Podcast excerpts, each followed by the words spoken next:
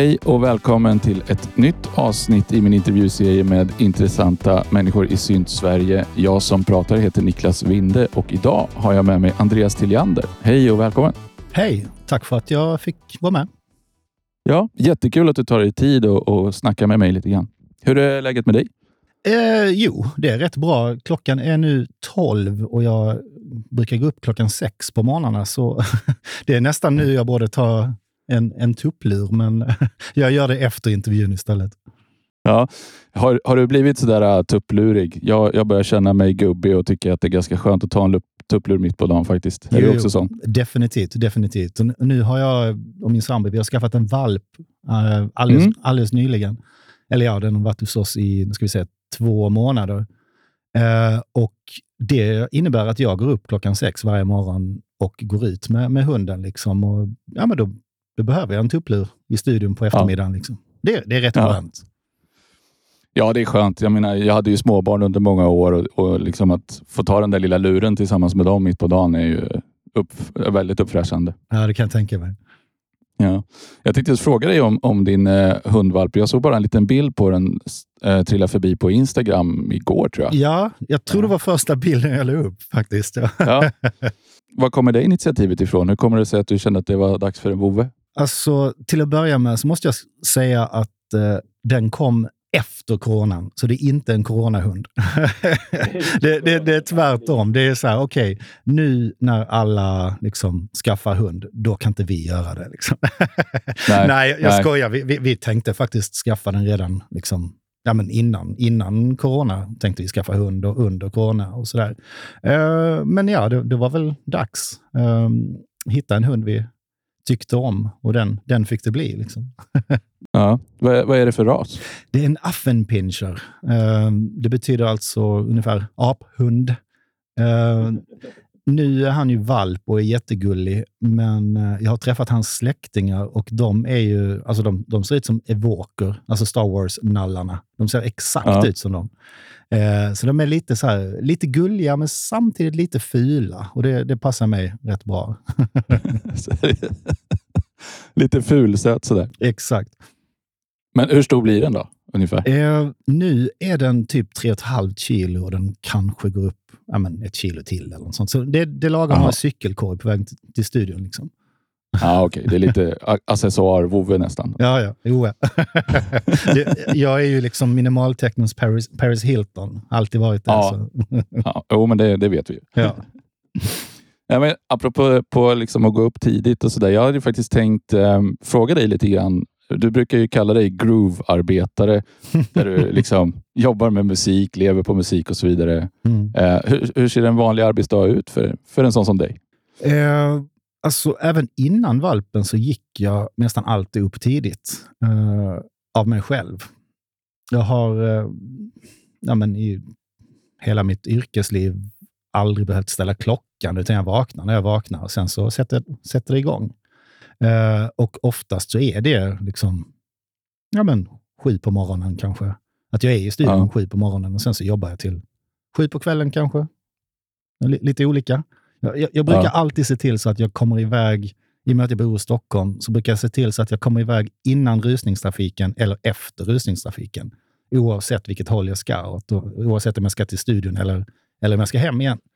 Uh, ja. och, och, det är ju en jävla ynnest. Speciellt nu efter, ja, men, under coronan och sådär, så var det jävligt skönt att bara, okej, okay, eh, om jag måste åka tunnelbana idag så gör jag det när alla andra redan har gjort det eller före alla kommer göra det. Liksom. Mm. Men annars, uh, ja, men jag promenerar hit idag och det brukar jag göra. Det tar ungefär en timme och en kvart. Uh, och det, det är också rätt skönt, för då, dels kan jag lyssna på ny musik, eller ja, men, idag lyssnar jag på svensk hushållssynt, om du har hört talas om den? Ja, jo, den känner jag till. Ja, ja det, det var mitt, mitt sällskap idag. ja, men vad trevligt. Då får du väl lyssna på ditt eget avsnitt eh, sen när det kommer ut. Då. Oh, jag är rätt så dålig på det där. Alltså, jag, jag lyssnar aldrig på min, mina egna radioprogram, eller för den delen min egen musik. När den väl är liksom inspelad och utgiven, så då gör jag någonting annat. då, då, är du klar med den, så att säga? Ja. ja. ja för det där har jag tänkt på. Jag sitter ju och klipper mina egna avsnitt eh, naturligtvis och då hör jag min egen röst väldigt mycket. Men, men man vänjer sig fan aldrig vid det. det. Och det gör ju inte du heller då kanske? Alltså, jag, jag måste nog säga att jag har vant mig. Eh, om jag lyssnar på program vi har gjort det senaste året, senaste två åren eller, eller sådär, då tycker jag att det låter rätt okej. Okay. Men om jag hoppar tillbaks fem år eller till och med tio år, då låter det för jävligt. Alltså, det, det, det handlar väl om att man är, liksom, rösten förändras väl med åren och sådär. Ja.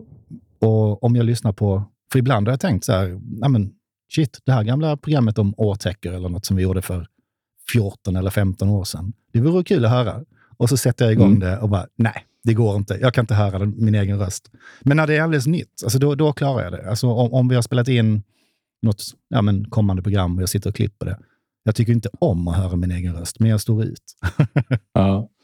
Men jag tror att du är inne och petar på en grej där, för att eh, när jag lyssnar tillbaka på gamla grejer som jag har sagt eller skriv, ja, framförallt skrivit, så upplever jag ju liksom en ganska tydlig mognadsgradsskillnad på bara några år tillbaka. Någon sorts livserfarenhetsgrej som förändrar både röst och, och tonläge och vad man säger.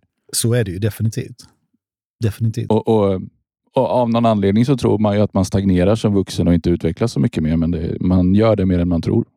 Ja, jag tror inte det. Alltså, jo, jag är väl vuxen. Eh, men jag känner mig sällan vuxen. Men jo, eh, min ålder är vuxen i alla fall. Men jag har ju inte jag, jag, tycker inte att jag har stagnerat i något. Jag, jag, är fortfarande nyfiken på olika typer av liksom, ja, men, kultur framför allt. Då. Men, men eh, jag är inte en sån som liksom grottar ner mig i vad jag var intresserad av när jag var 14. Liksom. Även om jag, säger, säger jag som sitter omgiven här med massa syntar och sånt, så, som också var ja. mitt intresse när jag var 14. Men, eh, men i stort så, nej. Jag känner att jag även när jag är 70 kommer vara rätt så intresserad av min om, omvärld. ja, precis. Ja, men det där tror jag också är viktigt, att behålla nyfikenheten och liksom fortfarande vara ja, men öppen för intryck och, och bry sig om vad som händer och sånt där. Det, det, jag tror att man ska vara glad om man har den egenskapen för att det, jag tror att det gör en själv till en rikare människa liksom, i förlängningen. Ja, det tror jag också. Eh, men Så du har alltid varit tidig i studion. Har du aldrig haft studion hemma? Eh, alltså det har jag ju haft. Alltså när jag var tonåring, eller nej, när jag var tonåring så hade jag inte studion hemma. Eh, för jag gick med som alla andra. Jag liksom, i Hässleholm, där jag kommer ifrån, gick med i ABF, så att man hade studiecirklar. Så eh, vi var några stycken. I mitt fall så var vi tre personer som delade en och samma lokal. Som mm. jag tror till helt betalades av ABF. Uh, och um, Där satt vi i några år och sen så har jag, ja, när jag flyttade till Stockholm, mina första två år här eller något sånt, så, så satt jag hemma i köket eller liksom under min loftsäng eller, eller sådär. Men ja, ska vi se. De senaste 20 åren har jag i alla fall haft, haft, haft studio, haft en arbetsplats och, och sådär. Liksom. Men upplever du att det liksom är positivt så att du, så att du breakar privatliv och arbetsliv? Eller liksom? Um, det är ju positivt uh, på vissa sätt. Ett, en sak, det, det, tänker jag på ibland. Alltså, Ja, men säg nu att jag har haft studio i 20 år. Då har jag ju liksom suttit själv, oftast i en källare, dag mm. ut, dag in, år efter år uh, och inte träffat så mycket människor. Det tror jag kan påverka ens personlighet rätt mycket. Alltså, jag har alltid varit lite, lite introvert och lite enstöring sådär. Men det blir ju inte bättre av att man aldrig träffar folk. Uh, jag har en studiogranne här nu, uh, men han, han är inte här så ofta. Och eh, innan han flyttade hit så satt Kite här, eller åtminstone Christian från Kite, som är en av mina bästa vänner också. Så då hade ja. vi det här ändå lite grann arbetsdagen och att man gick och lunchade och sådär. Men eh, nej, jag, nej jag, jag, jag trivs med att ha någonstans att gå till faktiskt. Ja, men om du har det som jobb så blir det ju liksom någonting som så kan du... Alltså, jag, jag, tänker att det är alltid skönt att bryta av arbetsdagen och släppa det man har hållit på med. Och, och eftersom jag har musik som hobby så tycker jag det är skönt att ha, ha det nära till hands. Men om man jobbar med det liksom hela tiden så skulle det nog bli liksom överväldigande efter ett tag. Att inte kunna släppa det, att alltid ha det. Liksom. Ja, jo, det, det håller jag med om. Jag har ju lite syntar hemma också. alltså om, ja, om, om, lusten, om lusten kommer så har jag det hemma. Dessutom så ja. jobbar jag rätt mycket bara i datorn också. Då, då kan man ju... Ja, men jag har perioder av insomnia och när jag går, går och lägger mig kanske vid midnatt och så vaknar jag ändå två. och då, mm. då, då brukar jag gå ut och sätta mig i, i soffan och liksom bara sitta med laptop och hörlurar och göra någonting. Uh, ja. Så, så, det, ja, men så är det ju nu för tiden. Man kan göra musik precis var som helst. Så, uh, alltså, ja, det kanske blir ett sidospår, men uh, jag, jag, jag, är rätt bra på att göra musik på andra ställen än i studion. Um, jag har en jättefin studio, jag har bra högtalare, jag har en rätt okej okay mixer och ja, men ett gäng syntar och kompressorer och andra outboards och sådär. Ehm, men det kan ju också bli ett ok. Att man kommer till, till studion måndag morgon och känner att okej, okay, när jag kommer hem nu i eftermiddag, då måste jag ha gjort klart den här låten eller vad det nu kan vara. Um, och det kan ju verkligen låsa sig. Så jag har så jävla mycket material som jag gjort bara i datorn. Eller åtminstone liksom, jag kanske har spelat in grejer i studion som jag sitter med i efterhand i datorn. Eller tvärtom, att jag har börjat på någonting i Ableton och sen så kommer jag till studion två veckor senare och drar ut det i liksom, ja, men, olika, olika outboards liksom, och, och mixar klart det med högtalare istället för med mina Sennheiser HD 25. Liksom.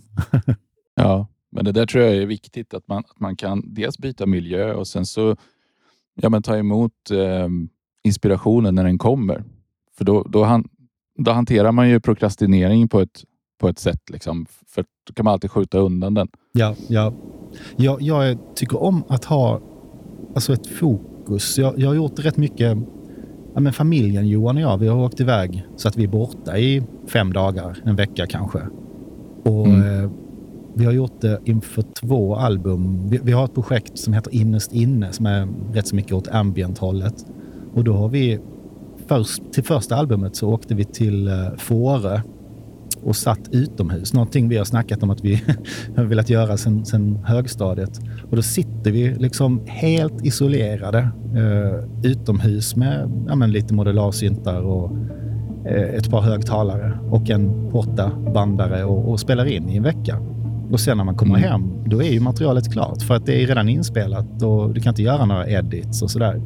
Och Det tycker jag är mm. jävligt, jävligt skönt. Att, att ha möjligheten att så här, ja, men nu, nu gör vi en skiva på en vecka och sen är den klar. Oavsett hur det blev. Liksom. Men, men det blir också lite olika arbetsuppgifter då, tänker jag. För att å ena sidan så är du otroligt kreativ under en fokuserad period och så spelar du in massor. Och sen mixjobbet och sånt där, det är ju lite mera, vad ska man säga, rutinjobb och lite mera Alltså det är inte lika kreativt krävande, tänker jag. Nej, så är det ju. Just med Innerst inne så gjorde vi mix och allting på plats. För att det, det gick okay. inte att göra några edits. I och med att vi spelade in det på kassett och sådär så var det, det var ju klart eh, när vi tog båten ja. hem igen. Liksom. Men annars är det ju definitivt så. Eh, det är enklare att, att jobba på annat när man, när man liksom sitter hemma och sådär. Men, men de allra flesta skivorna har jag ändå mixat i studion. Liksom, snarare än att ja. liksom, mixa det på en flygplats eller något.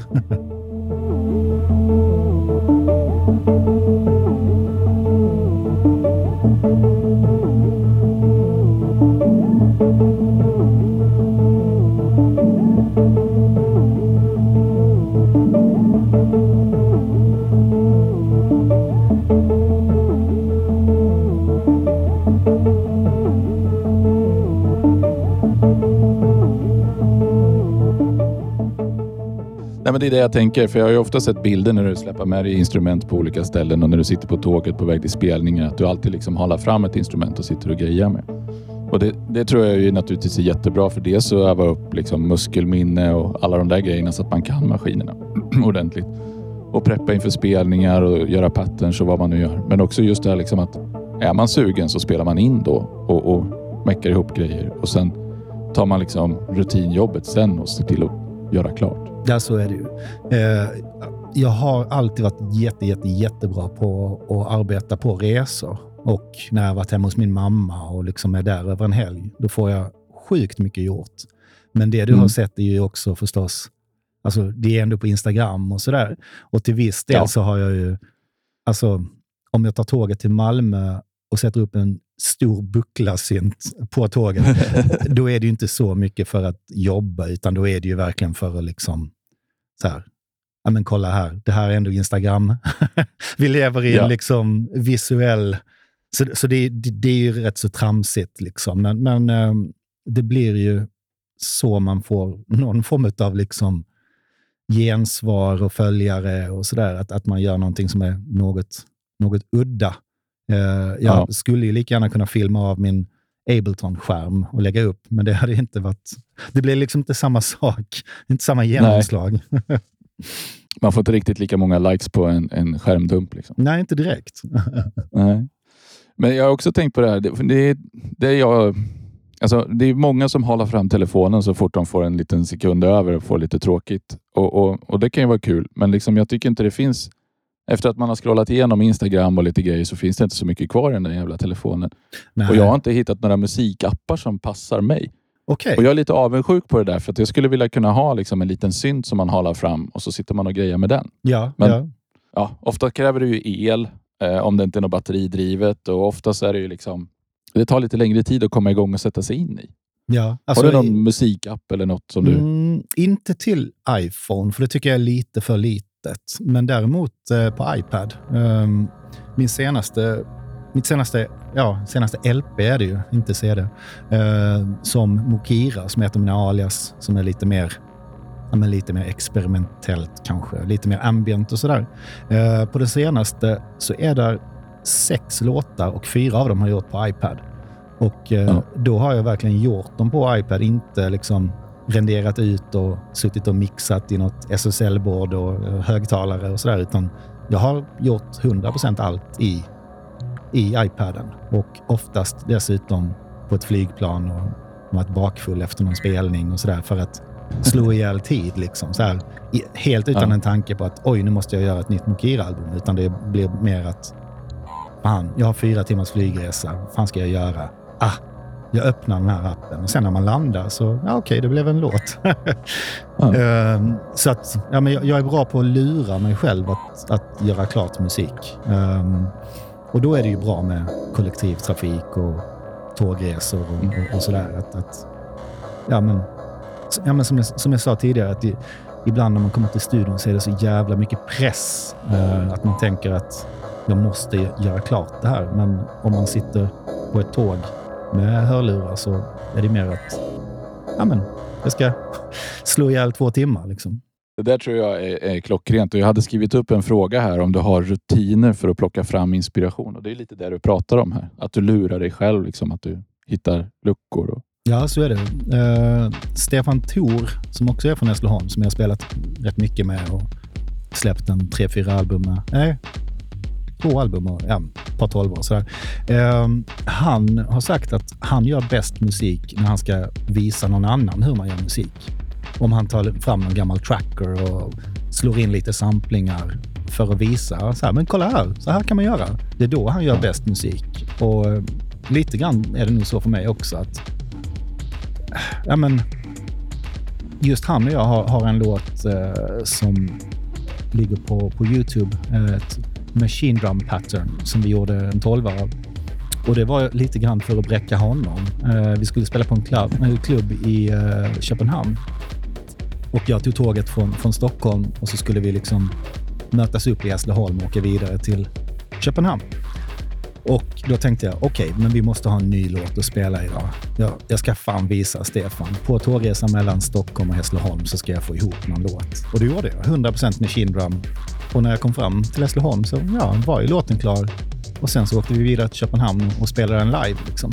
Och ja. ja men, ett halvår senare så släppte vi den på vinyl. Och det är lite bara för att liksom, ja, men, sätta någon egen så här, eh, ja, men, både Stefan och jag är bra på, på att sätta regler. Jag tror att vår senaste tolva gjordes Ja, men den gjordes på min mammas soffbord. Vi, vi hade varsin arbetsstation med ja, men någon så analog for, analog rytm, laptop mm. och hörlurar. Och så satte vi en äggklocka där eh, vi inom en timme fick liksom... Jag satt på den första stationen och Stefan på den andra. Och efter en timme så bytte vi. Och då fick den andra jobba vidare på det den första personen hade gjort. Också Ja. i en timme. Och sen så skulle det vara klart. Och så blev det. Så vi gjorde, ja, men det, det tog ju två timmar då att göra två låtar. och det Ja. var ju skitkul för att liksom sätta upp någon form av regel för sig själv och sådär. Ehm, lite grann också... Nej, det kanske inte är att lura sig själv att göra musik, det är det ju inte. Men, men ehm, tvinga sig själv att göra musik snarare kanske. Ja, men, ja, precis. För det där tycker jag är också en intressant balansgång. Det här med att tvinga sig och, och att liksom lura sig att göra musik. För, för att jag tycker verkligen det är jättekul att hålla på med syntarna och allt sånt där. Men jag får jätteofta prestationsångest och jag har väldigt lätt att ge upp och, och det är väldigt lätt att liksom skita i det och, och, och gå och kolla på någon film istället eller, eller surfa på något forum och sådär. Alltså hitta på sådana där regler och utmaningar och grejer är ju perfekt för att, att liksom trigga sig själv och göra någonting. Ja, så är det ju. Och deadlines är ju rätt så Ja. viktiga faktiskt. Uh, nu kanske jag tjatar om pandemin, men eh, i början av pandemin så gjorde jag jättemycket musik. Eh, och sen så märkte jag efter ett tag att okej, men nu har jag fyra timmar osläppt musik som är rätt bra. Va, vad ska jag med den till? Liksom, visst, jag Mm. kan lägga upp det på Bandcamp eller något, men eh, jag har ändå, i alla fall de senaste 20 åren, så har jag alltid haft någon kommande spelning.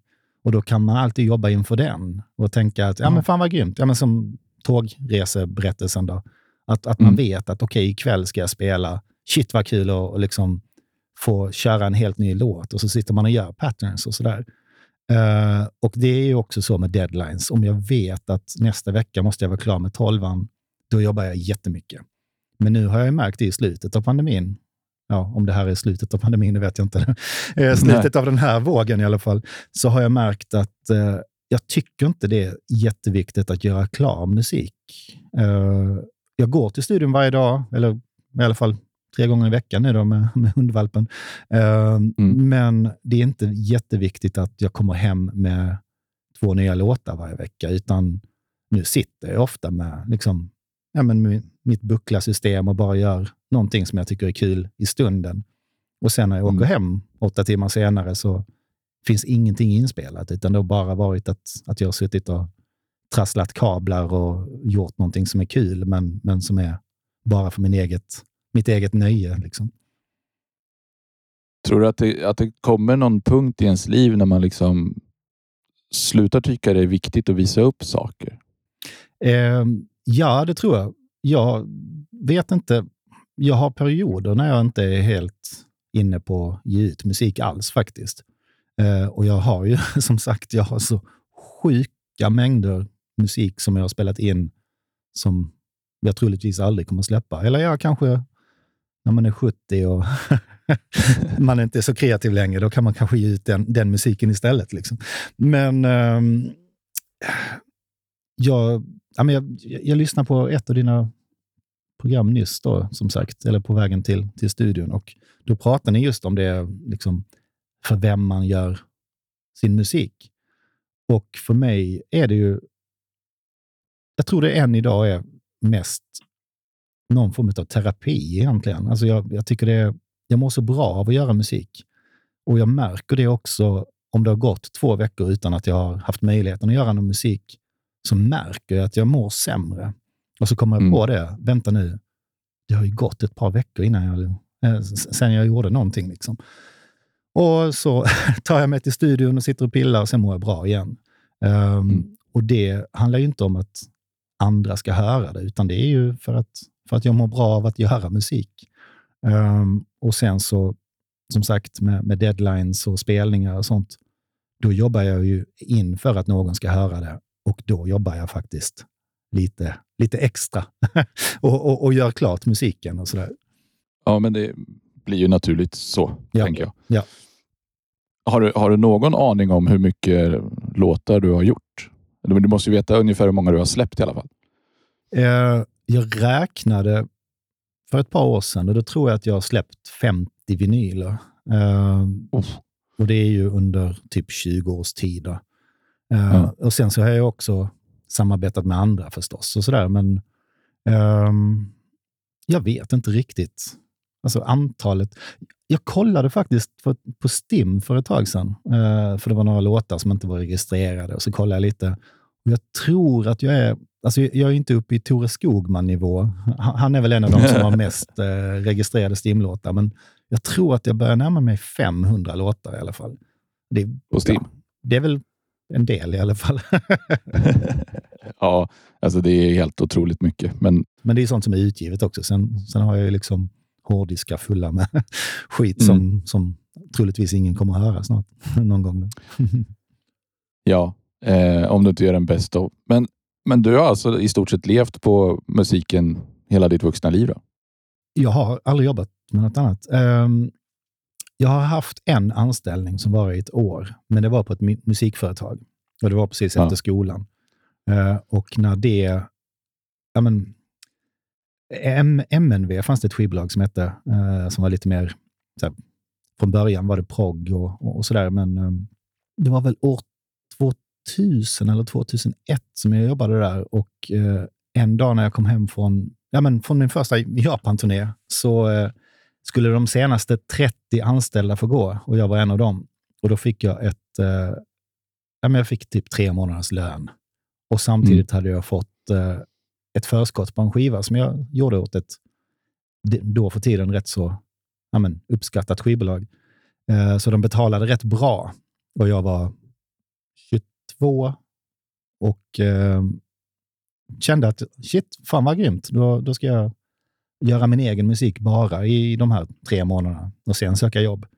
Uh, och sen mm. så blev det aldrig, aldrig så. Eller aldrig hittills. Uh, de senaste ja, men drygt 20 åren så har jag inte sökt jobb, men det, det kommer.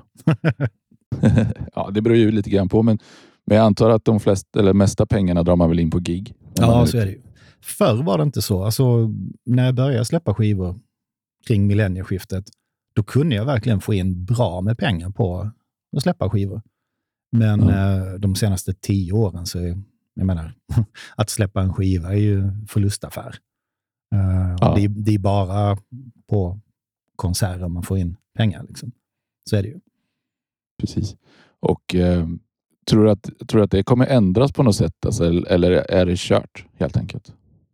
Jag tror att det är kört. Uh, jag, ja. jag, tror att det blir jättesvårt att få folk att, att liksom betala för musik igen. Det, det tror jag. Med tanke på att ja, men det har ju varit typ gratis i, i 20 års tid. Uh, ja. Så det, det känns inte som att någon kommer behöva betala för musik igen. Å andra sidan så ser man ju så här, men Benjamin Ingrossus nya skiva såg jag fanns på Bengans för 639 kronor. Så det, det okay. finns väl, för jag antar att det inte är folk i vår ålder som, som köper den skivan, utan det måste väl vara folk som är lite yngre. Och det, det har jag läst också, att, att vissa... Ja, men Adele säljer ju jättemycket vinyler också, eller CDs och vinyler. Uh, och det är ju till folk som är yngre än vad du och jag är. Så ja. uh, kanske, i alla fall om man är lite större artist. Um, uh, ja, nu har det ju blivit jättesvårt att få ut vinyler eftersom alla vinylfabriker är jättepressade. Så det finns väl något slags, vad ska man säga, tecken på att det kommer komma ja, att det kommer gå att sälja skivor av, av ett visst slag i alla fall. Eh, men i och med att det har blivit så svårt att få ut sina vinyler så har jag börjat fundera på... Ja, men personligen är jag ju för lat för att spela vinyler. Jag tycker det, jag tycker det är jobbigt. Även om det är en liksom skön upplevelse på sätt och vis så, så föredrar jag CD om det ska lyssnas. Liksom, ja, ja. Finlyssnas. Ja. I övrigt så är jag ju liksom Spotify-generation. Alltså jag är lat helt enkelt. Ja, eh. Och jag tänker att om man inte kan tillverka en vinyl och sälja och om vinylen i alla fall bara var en prydnad eller en samlingspryl för personen som köper den ändå lyssnar på Spotify. Mm. Skulle man kunna tänka sig att man kan sälja en annan pryl då? Eh, det har ju gjorts försök. Folk har ju sålt hårddiskar och folk har ju sålt USB-stickor och, och sådär. Eh, jag vet inte, man kanske skulle, om, om man är bildkonstnär så kanske man skulle kunna göra litografier där man också fick en liksom bandcamp-kod eller någonting. Um, jag vet inte. Jag minns att redan för ja, kanske 15 år sedan, jag delade studio med Håkan Lidbo, som också är ja, musikproducent. Uh, han och jag skojade om att det kommer gå åt andra hållet. Att, att du kommer behöva betala för att folk lyssnar på din musik. Eh, och lite grann tycker jag nästan vi börjar hamna där. Liksom. att, ja. att det blir lite så här, ja, ja, men har du lyssnat på min nya skiva? Okej, okay, men då, då kan du ju få de här. jag swishar dig 20 kronor. Liksom. ja, lite så kanske jag och eh, min kompis Ulf i Malmö som har kontramusik, skivbolaget Kontramusik, som, som jag ger ut rätt mycket skivor på. Eh, vi hade som koncept att vi skulle släppa min senaste skiva i, i 300 exemplar på vinyl och att det bara skulle vara att hämta den. Du skulle bara få komma hem till Ulf och hämta den, så hade du, hade du skivan. Eh, för att göra någon form av statement om att ja, men, folk tar för givet att musik är liksom, ja, men, en gratisvara. Uh, Nu blev det inte så. Vi, vi sålde de här 300 exemplaren på två dagar istället och jag har sett att skivan är rätt så eftertraktad på Discogs och kostar så 500 spänn eller något. Det, det är ju roligt. ja. ja, det är kul att man gör saker som blir eftertraktade och man kan göra dem lite unika och att det inte finns så många ex. Så, så absolut. Ja. Men nu när du har jobbat med musik, då, liksom, har, du, har du fått tulla på din egen integritet så att säga för att för, liksom, fylla skivkontrakt eller sådana saker? Eller har du alltid liksom, hållit hårt på att göra din grej? Um, både och.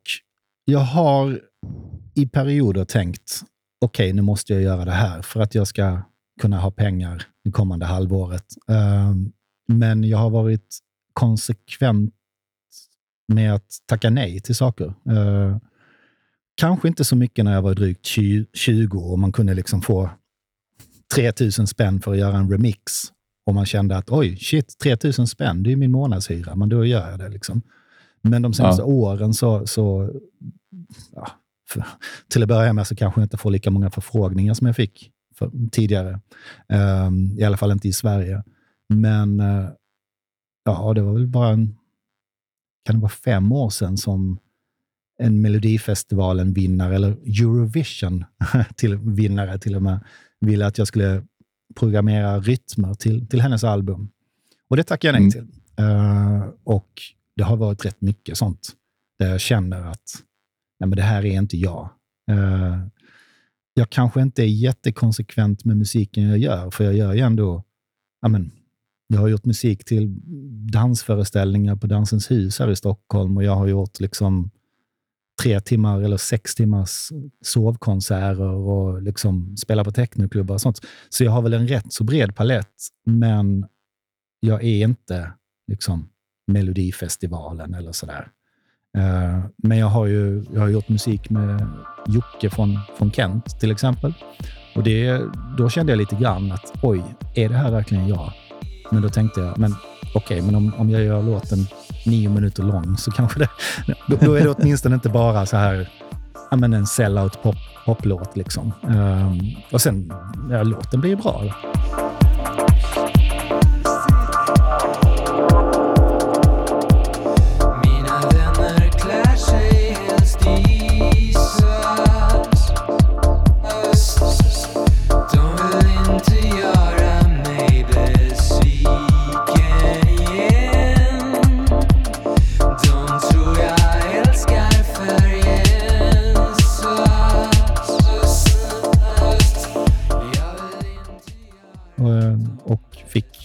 Mig att liksom åka ut lite mer i, i Sverige igen. Liksom. Um, för jag har ju mest annars spelat utomlands. Men i samband med, med den skivan så fick jag ju också där, komma till Norrköping och Örebro och, och sådär och inte bara till New York och Tokyo och Lissabon. Typ. Eller, ja. det är lite skillnad på glamourstatus på de orterna, men, men absolut. Det är kul att se Ja, men det, det, är ju jättekul att, att få se Sverige uh, och det har jag ja. definitivt fått, fått göra med familjen. Det, det är jag ju med och spelar maskiner, syntar. Uh, och med, i samband med det så har jag ju, ja, men jag har ju sett Sverige. Liksom. varit i varenda lilla ort och större städer för den delen också. Liksom. Precis. Jag, jag, kan tänka mig att familjen-giggen skiljer sig lite grann från dina egna. Oerhört mycket, uh, vilket ja. jag tycker om. Um, i perioder så spelar jag ju bara mina egna grejer och då, då är det en sak. Då, då, då är det ofta åka ut till Arlanda, åka ut i världen och sitta på, på ett flyg och ja, men antingen som vi pratade om innan, sitta och göra musik eller om jag läser en bok eller lyssnar på någon podd och tar ett glas vin. Liksom. Men när man åker iväg mm. med familjen, då är det ju Ja, men oftast så är vi tre personer nu för tiden. Ett tag var det bara Johan och jag, men nu har vi med oss Fireside-trummisen eh, Per Nordmark. Och eh, då blir det rätt mycket att man, man sitter på ett tåg istället, eller sitter i en bil och så dricker man öl och sitter och snackar om vad man har varit med om sen förra veckan. Och, och liksom, det är mer så här, åka iväg med kompisar och dricka öl och ha kul. Liksom. Um, så det, det, ju, det skiljer sig rätt mycket. och framför allt då förstås, uh, timmen man står på scen är ju väldigt annorlunda uh, jämfört med liksom, ja, om det är Mokira eller om det är TM54 eller om det är familjen. Det, det är rätt olika saker.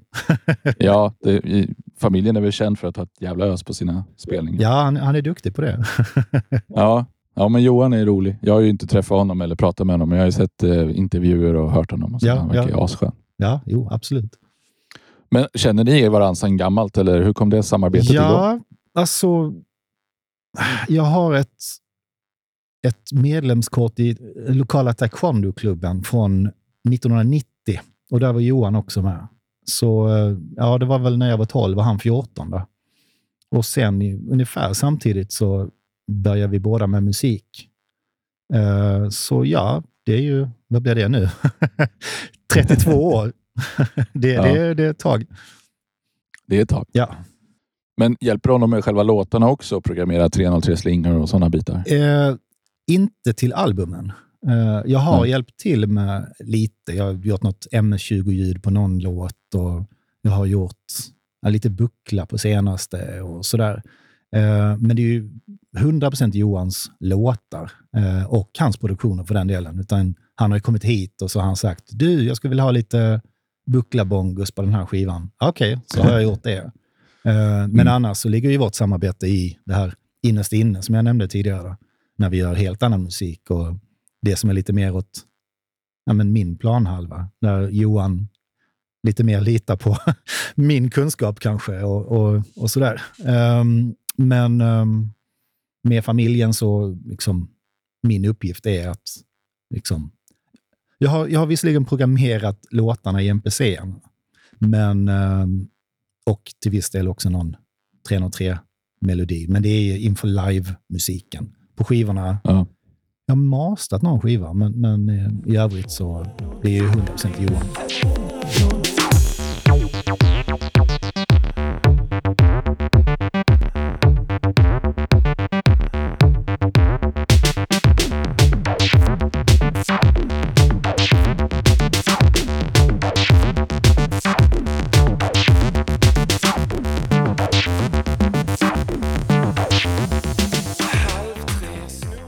Vad har ni för grejer på scenen när ni kör familjen? Eller vad har du?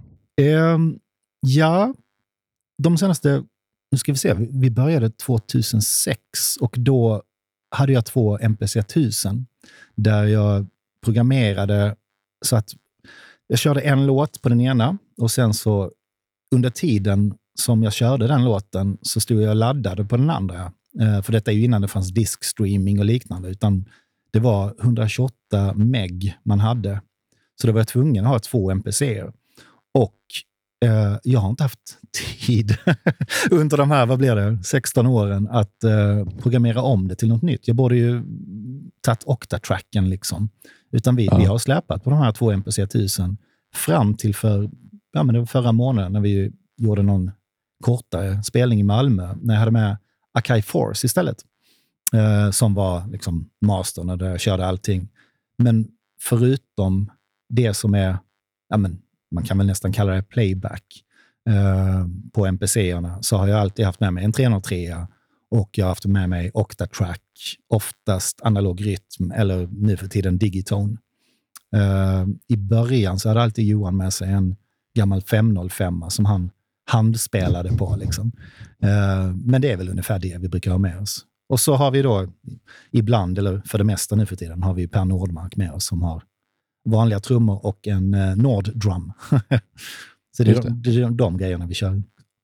Ja, ja men det är, alltså att ha handspelade trummor brukar kunna göra ganska sköna liksom feelings. Och det, det, live kan jag tänka mig att det är bra med lite extra feels och lite... Ja, så är det ju. Och, och jag brukar alltid jävlas med Johan också. Eh, så jag lägger in så här trap hi-hats och sånt i hans låtar. Han bara, vad fan gör du nu? Så, ja, men idag blev det så här liksom. eh, det kan du ha. Och förr i tiden, eh, för, för, för, MPCn är ju liksom, den är ju loopbaserad. Så förr mm. så körde jag rätt mycket sådär att, ah, fan, idag kör jag två refränger innan versen. Men det gick ju inte efter ett tag, för Johan hängde inte med på det förstås. Om, om inte jag berättar för honom, så, ah, nu, nu kör vi ett längre break, sen kommer refrängen. Liksom. Så mm. han började ju sjunga refrängen mitt i ett break. Uh, ja. Så nu för tiden så kan jag bara improvisera efter han har sjungit klart. Ja. så ibland blir Snurra min skalle tio minuter lång och ibland blir den fyra minuter. Liksom.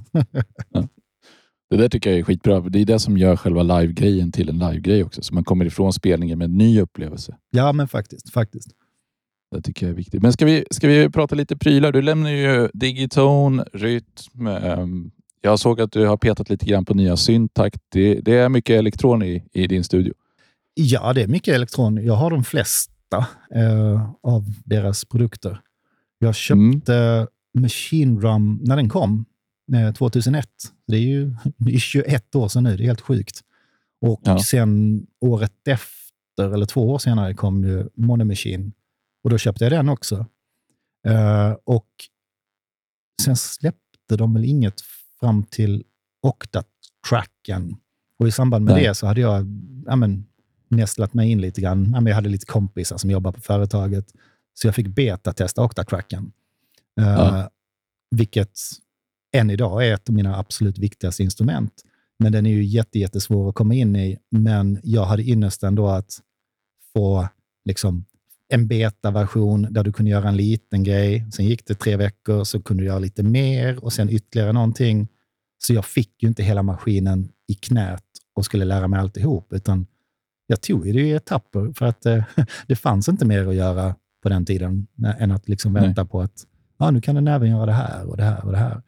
Men än idag är den oerhört viktig för mig. Um, och framför allt är det ju i live-situationer som jag verkligen använder elektron, för de är så enkla att ta med sig. De är rätt så små man kan få med sig tre, fyra stycken på ett flyg och sådär. Uh, mm. och sen i studion så har jag allt möjligt egentligen. Um, ja, jag har en, en sida, jag vet inte om du kan se det här nu, radiolyssnarna kan ju inte det i alla Nej. fall. Men jag har en jag sida, ser...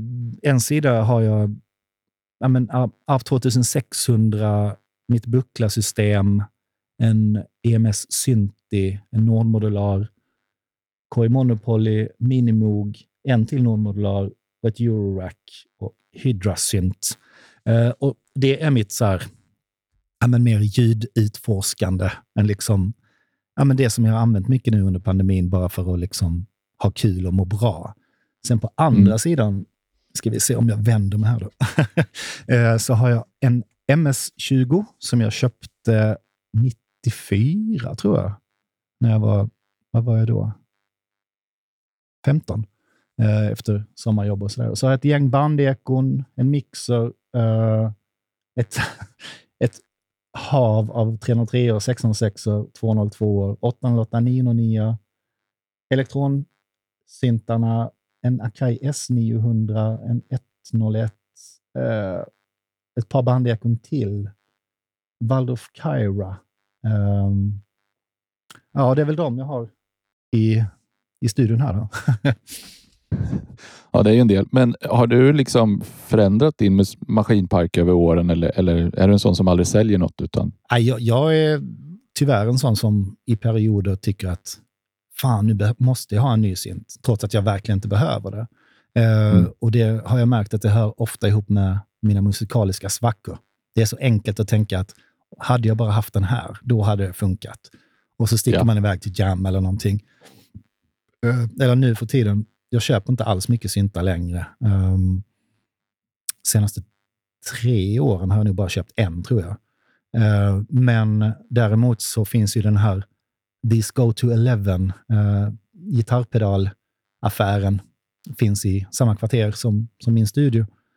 Och där har det blivit rätt många eh, spontana, liksom, att man känner så här, okej, vad behöver den här låten? Varför får jag inte till det?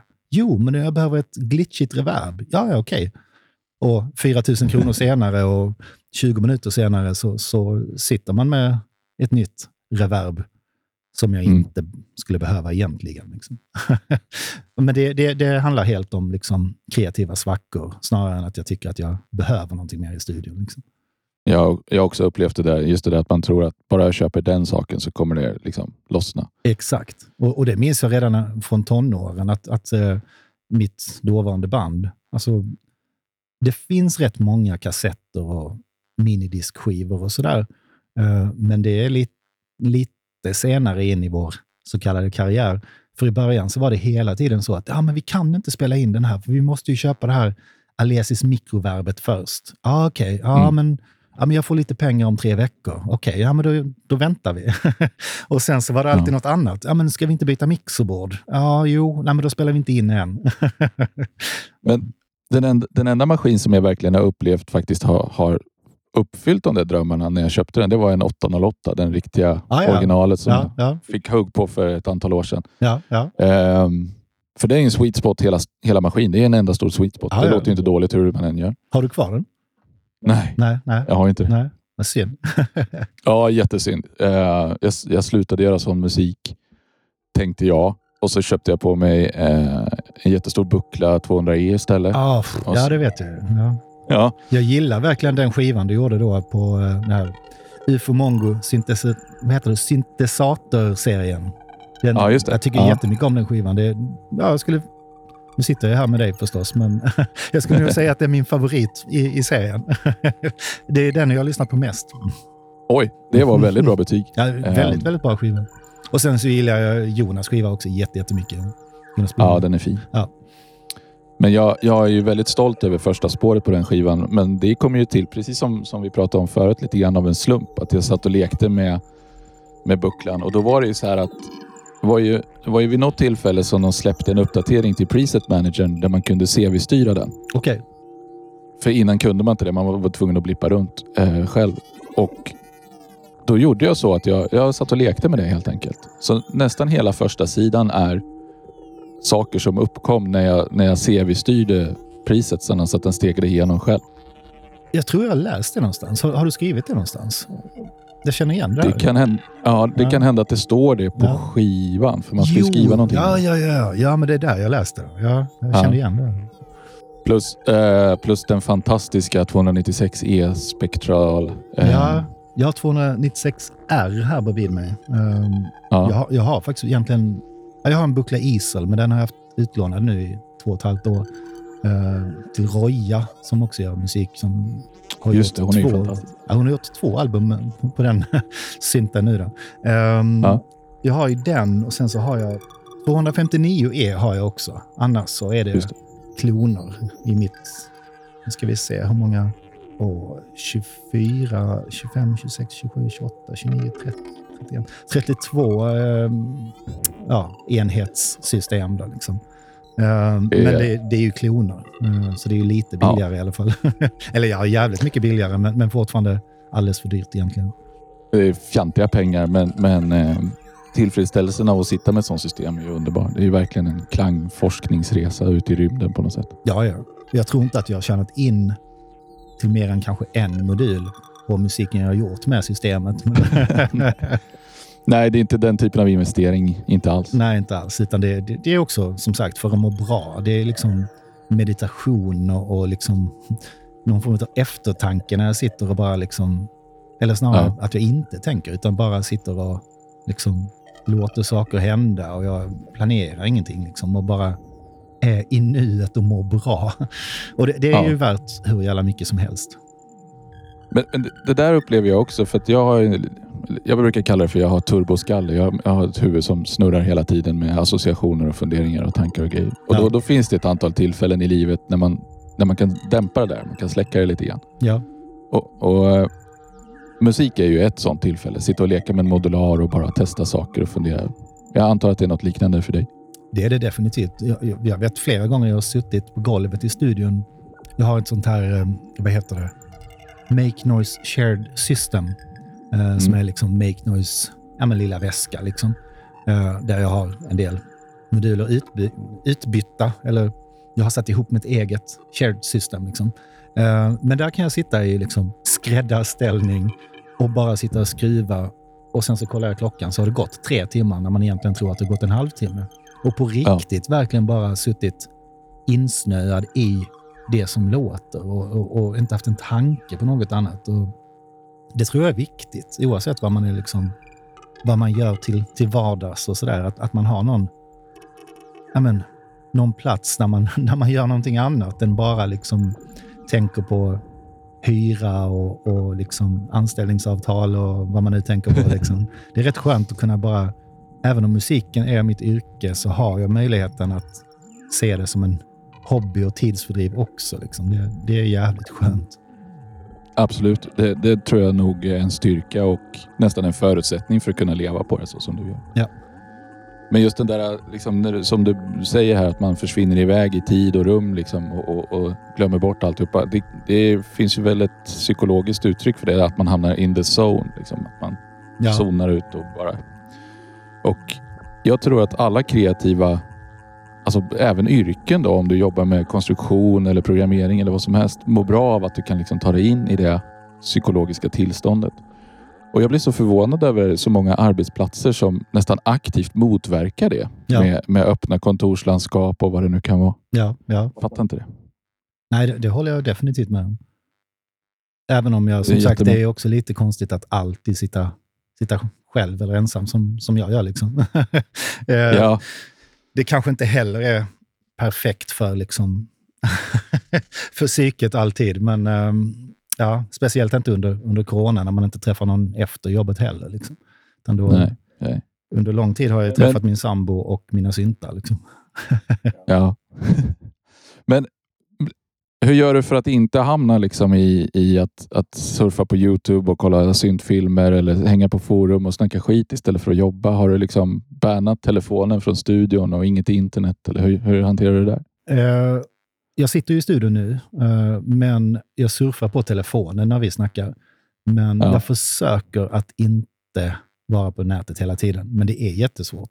Uh, ja. Det är enkelt om man sitter med elektronsyntarna eller med bucklarsystemet eller med mitt Eurorack eller vad jag nu sitter med. Då är det jätteenkelt.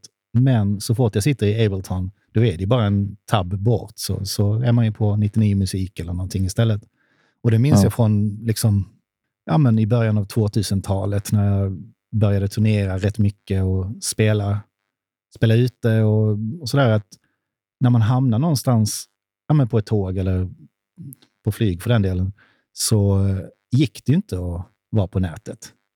Eller till och mm. med om jag var här och hälsade på mamma i två dagar, då fanns det inte något internet. Och då var jag oerhört kreativ. Och det är jag mm till viss del fortfarande, men det finns ju alltid möjligheten att också svara på mejl eller liksom sätta mig och liksom läsa på om någon kompressor som jag aldrig kommer att ha råd att köpa. Uh, den finns ju också. Uh, och som sagt, det blir också lätt så när, när man har svackor, när, när, låten inte blir så bra eller liksom, åh, det är deadline imorgon och jag får inte till det. Nah, fast okej, okay, då läser jag lite här istället och så försöker man bli inspirerad av någon på något forum eller liksom något Brian Eno-klipp där han blir intervjuad eller någonting. Och sen så mm.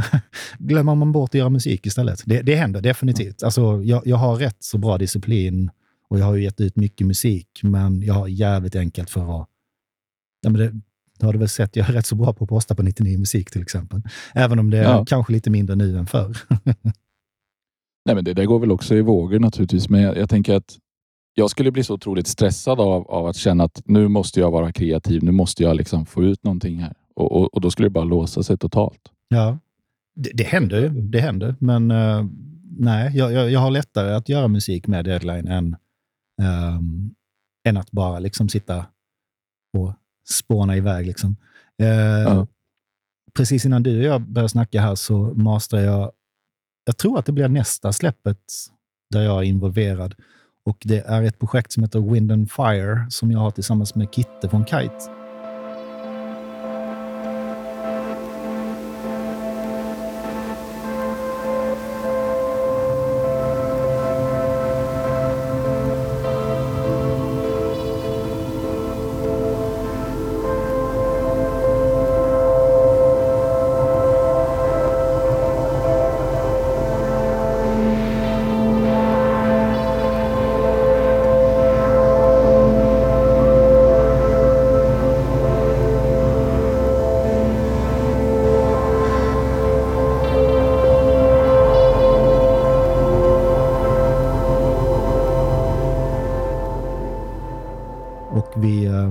Men som sagt, vi, vi delade ju studio här för eh, ja men några år sedan och sådär.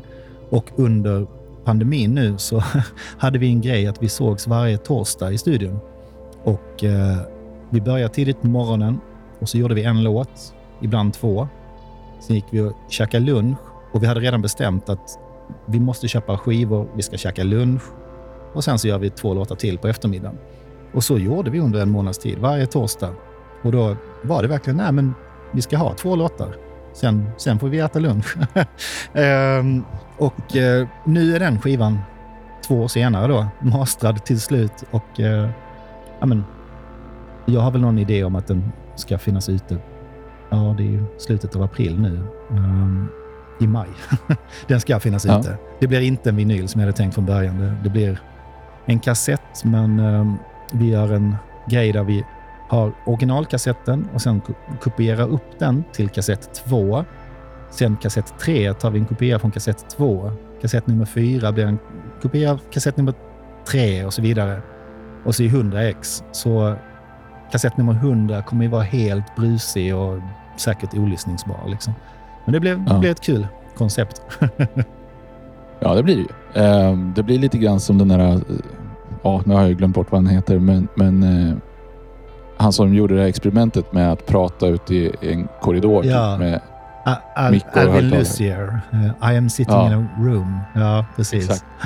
Ja, det, kommer det, bli den varianten. Det är den grejen. um, men, men du har ju ganska mycket samarbeten och jag vet att du har jobbat lite grann, eller i alla fall nämnt Lee Scratch Perry. Eh, gamla dubblegenden. Ja, vi har inte samarbetat. Vi har spelat på samma ställe några gånger och jag har intervjuat honom. Eh, så jag har träffat honom ja, fyra, fem gånger. Eh, jag öppnade för honom här i Stockholm sist han var här, tror jag. Ja. Ehm, men ehm, han, han, är ju en oerhört stor idol. Han är säkert, jag brukar nu säga att han är min största idol. Eh, ja. Det är väl han tillsammans med Rhythm and Sound, Moritz von Oswald och Mark Ernestus, som jag aldrig slutar lyssna på. Um, jag har ju lyssnat på i ja, men snart 30 år. Då. Det, det finns kvar hela tiden. Jag tycker alltid att jag är en person som... jag, jag, gillar inte nostalgi. Uh, jag vill inte fastna i saker och ting, men, men jag har fastnat i Lee Perrys produktioner och Basic Channels produktioner. Där, där jag får göra undantag där. Ja, men, men han är väl också otroligt produktiv. Det finns mycket att upptäcka. Och ah, ja, oh, ja. Jag har inte lyssnat klart på allt han har gjort. Definitivt inte. Uh, det finns alltid Nej. någonting att upptäcka. Det som är roligt med Lee Perry är att jag upptäckte honom, ja men, vad ska jag säga, 93, kanske 94, en intervju i tidningen Pop. Och eftersom jag bodde i Hässleholm så gick jag till den lokala skivaffären och köpte skivorna som han släppte då, 93, 94. Och de är ju värdelösa. Men jag förstod att ja, men Lee Perry är ju något som, som är bra. Så jag, jag tvingar mig att lyssna på de här skivorna och började gilla dem efter ett tag. Och sen tog det till 98. Jag pluggade i Värmland um, och jag läste en ettårig utbildning som hette ljuddesign, där jag träffade en kille från Karlskrona, uh, Joel från Birthed Records. Um, ja. För övrigt är det ett ett kärt minne hur vi träffades. Det var att uh, han stod i matsalen och jag också och det var lång kö. Och så säger han högt Hell, piss, fuck head. Varpå jag svarar Stupid clown you asshole efter den här Skinny Puppy-låten. Och då vände ja. han sig om och så ja, blev vi bästa vänner där och då. Liksom. Uh, han fick då se ja, min skivsamling och att jag hade lite Lee Perry och sådär. Jag bara, men du har ju fel skivor, de här är ju värdelösa. Och så tog han mig till uh, den lokala gallerian och en skivaffär där och så spelade han The Congos för mig, som är producerat mm. av Lee Perry. Mm. Och det var 98 då, och efter det så har det varit, okej, okay, men det här är liksom essensen av musik. Det här, det blir typ inte bättre än, än så. Liksom. Var det Fisherman? Och, och ja, precis. De, de låtarna. Det, det, är, ja. alltså, det tröttnar jag heller aldrig på. Det är 24 år sedan nu.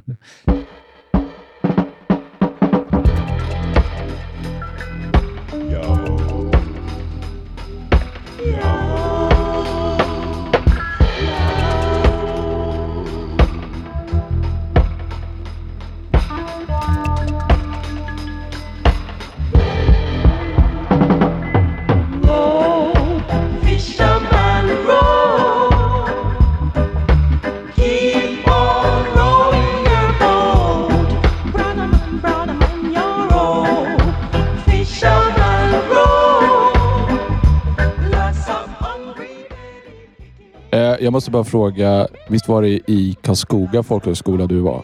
Ja, det stämmer. Det stämmer. Ja, jag kommer ju därifrån så jag Ah, antar okej. att du var i gamla Domusgallerian där på Skivpo Ja, och handlade. Kulan tror jag det hette. Eller något sånt. Kulan hette det Ja, sen. Ja. ja. Känner du precis. folk från Karlskoga också förstås? Inom syntsvängen och sådär? Ja, ja, jag är ju snäppet yngre än till exempel Jauni Ollila och Henrik Björk och dem Ja. eh, från de bitarna. Men Henrik Björk har jag hängt lite med och snackat lite skit med och eh, Jauni Ollila har jag ett avsnitt inspelat med som jag håller på och klipper nu. Då. Ah, okej. okej. Men jag är ingen jättekändis där i stan eller sådär. Nej. Jag lärde nog inte känna någon i Karlskoga, eh, förutom de som gick i skolan. Liksom. Men däremot minns jag en kväll på, åh, hette stället Victoria kanske? Ja, Så fick jag syn på en snubbe och jag bara, jag gick fram till honom och sa, vänta, du är med i Terrazone, eller hur? Terrazone var en så här, ja, ett syntband i början på 90-talet som var med på de här Memento Materia-samlingarna. Och han bara, ja, hur i helvete vet du det? Ja, men jag kände igen dig från bilden. Och sen när jag gick hem och kollade, då, alltså bilden är ju stor som en tumnagel i den här CD-fodralet. Liksom. Så jag fattar Ja. inte hur jag kunde känna igen honom. Liksom. Och nu för tiden så har jag en kompis som, som är från Karlskoga och var med i Terrazone, Dario. och jag har en annan kompis, eh, för när jag bodde där så jag gjorde ett par syntsamlingar, CD-samlingar. Eh, Jag hade ett litet skivbolag som hette Mellotron Records, där vi gjorde Mm. just eh, ja, liknande de här Memento Materia-samlingarna, att man liksom betalar 2000 spänn och så får man ha med två låtar på skivan. Om, om jag Mm. gillar musiken förstås. Eh, så jag gjorde två sådana skivor där och annonserade i ja, tidningen Release och vad fanns det mer? Syntech och de grejerna. Och då var det en Ja. kompis som hörde av sig, eller nu för tiden en kompis, eh, som bara, men vänta nu, det finns väl ingen i Karlskoga som håller på med ambient och synt och techno och sådär. Ehm, men nu för tiden så är han en bra kompis och heter, eller han hette det då också, Martin Abrahamsson Bauri, som jag faktiskt träffade senast förra helgen. Ja, han är också från Karlskoga. du, eh, han är från eh, Kyrksten, den lilla byn utanför Karlskoga. Ah, ja, ja. Är du också därifrån eller? Jajamän. Ja. Där världen är så fruktansvärt liten. Men Ja. Martin Abrahamsson är en eh, kär gammal vän. Vi har hittat tillbaka till varandra via Instagram faktiskt här Ah, på ja. de senaste ja, åren. Ja. Han har ju börjat göra musik igen. Ju. Alltså, kring millennieskiftet så var ju han och jag oerhört kreativa och släppte ju skivor hela, hela, hela, hela tiden. Och vi, Ja. vi remixade varandra. Jag var med på någon samlings-LP han gjorde som heter Smakfull elektronik. Eh, Och sen efter ja, men 2010 eller något sånt så slutade han göra musik. Och gjorde Ja. verkligen inte en låt. Eh, och nu är, gör han precis lika mycket musik som i början av 00-talet igen. Liksom. Ja, han köpte väl på sig lite hårdvara tror jag. Någon polyend track. eh, Ja, det grej stämmer. och så Ja, lite ja, lite Ja. gitarrpedaler och någon, var det den här Behringer 303 och något sånt, tror Just jag. det. 606 kanske. Så han, han är Ja, ju grymt. verkligen igång igen. Liksom. Ja, jag lyssnar mycket på eh, olika delar av hans produktion. Han, han, eh, han är duktig. Ja, definitivt. Jag gillar Martin. Jag med. Det ska bli kul att träffa honom igen om det, om det sker. Vi har pratat om att ses till sommaren, så det vore jätteroligt. Ja. Men om vi håller på håller oss till prylar igen. Eh, har, jag tänkte säga, har du någon favoritsynt? Men jag kan gissa att i och med att du har rätt många 303 så ligger den högt. Ja, alltså den är nog min favoritsynt. Um, det är ju inte synten jag tar med mig om jag ska vara hemma hos mamma i två, ja, men, över en helg. Då är inte, jag tar inte med mig bara en 303 då, förstås. Uh, däremot så är ju 303 den synten som fortfarande gör mig mest glad. Ehm, det är den som överraskar mig mest och det är det ljudet jag tycker bäst om. Ehm, och sen är det ju förstås det som faktiskt har betalat sig i, i min så kallade karriär. Det är ändå, ja, men Johan och jag snackade om det, familjen då, att eh, min ena 303, som jag tror är min första, eh, har varit med på alla familjens-spelningar. Och vi kanske har Mm. gjort 700 spelningar. Och sen så har jag haft med den på de flesta av mina spelningar. Ehm, så det är ju, sä- säg att jag har haft med en och samma 303 på 1200 spelningar. Eh, Mm. Så den, den har ju varit med och det är faktiskt, ja det, det är mitt favoritinstrument. Eh, Men om jag ska sitta någonstans eh, och göra musik så kanske det blir Jag brukar säga Octatracken tidigare, men nu har det nog gått över till att vara analog rytm. Beroende på projekt förstås. Om jag ska göra ambient så är ju analog rytm rätt onödig. Men om jag ska göra dansmusik, techno och sådär, då, då analog rytm. Det, det är egentligen det enda jag behöver då. Liksom. Ja, alltså jag köpte faktiskt en analog rytm MK2 nyligen och eh, alltså den är fruktansvärt kraftfull. Man märker det när man bara spolar igenom eh, fabrikspatterns. Liksom, att ja. Den här kan ju mycket. Ja. Eh, men jag tänker på, du har ju skaffat fler 303 Vad, Är det mest bara samlarnerven eller är det liksom för att du känner att du måste rädda den? du... alltså, precis i början. Um, jag hade en under flera års tid och sen så kom jag över någon annan väldigt billigt. Ja, då hade jag två. Och sen så började vi spela med familjen då 2006. Um, ehm, och 303 har ju inte jättemånga patterns man kan spara. Så då hade jag en 303 som var helt så här, det här är familjens 303, fast ja, det var min då, men liksom där jag hade programmerat ja. de patternserna. Och Johan hade lånat och programmerat också. Um, och då hade jag ju tre stycken. Sen kom jag över någon till. Um, och nej men, Det var väldigt smidigt att ha så här, okej, okay, men den här har jag hemma, den här har jag i studion, den där är i Johans studio. Um, och sen så blev det nog en idiotisk idé. Att, ja, men, jag brukar tänka att jag har haft kanske tre olika karriärer i min så kallade karriär igen. Då.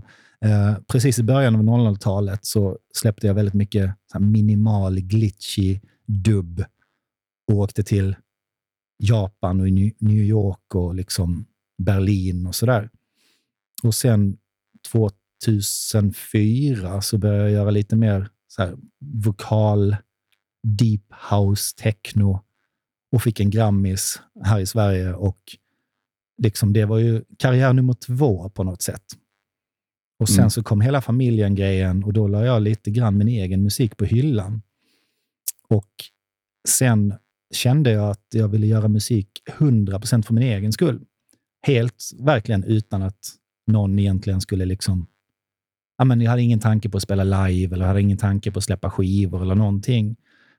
Um, men däremot så ville jag filma mina inspelningar för att ja, men det var ett lite roligt koncept att ha 4, 5, 303 och 3, 4, 6, 06 och, och göra musik bara på det. Att det var, mm. ja, men, det är väldigt så här, det, det, ser ju snyggt ut på YouTube. Liksom. Eh, ja, så då spelade jag in några låtar helt för att bara lägga ut på YouTube. Och Sen så visade det sig att folk tyckte om musiken och ville liksom att jag skulle framföra den live. Och Då tog min så kallade karriär, jag säger så kallade hela tiden, eh, den tog fart igen. Och det blev ju karriär nummer tre då. Liksom. Um, mm. Och då var det att jag återigen åkte tillbaka till New York och Japan och Taiwan och Singapore eller vad det nu var liksom, eh, med de här 303 orna Och eh, det är ju med musik som jag har tänkt, återigen då, att, att det är inte ens till för andra att egentligen lyssna. Istället för, som vi pratade om tidigare, med det här att, att jag ibland kanske tänker, nu måste jag göra musik som gör så att jag kan ha pengar det kommande halvåret. Liksom med det här TM4projektet var det precis tvärtom. Att jag, vi, vi var ute på turné ständigt med familjen. Uh, ett år gjorde vi hundra spelningar på, på ett år. Liksom. Så då visste jag att okej, okay, men nu har jag pengar och nu har jag liksom, ja, men, jag har möjligheten att göra någonting annat än att tänka att musiken, min egen musik ska ge mig en inkomst. Och då gjorde jag mm. TM4-grejerna med de här 303 orna. Liksom. Um, och så blev det min inkomst.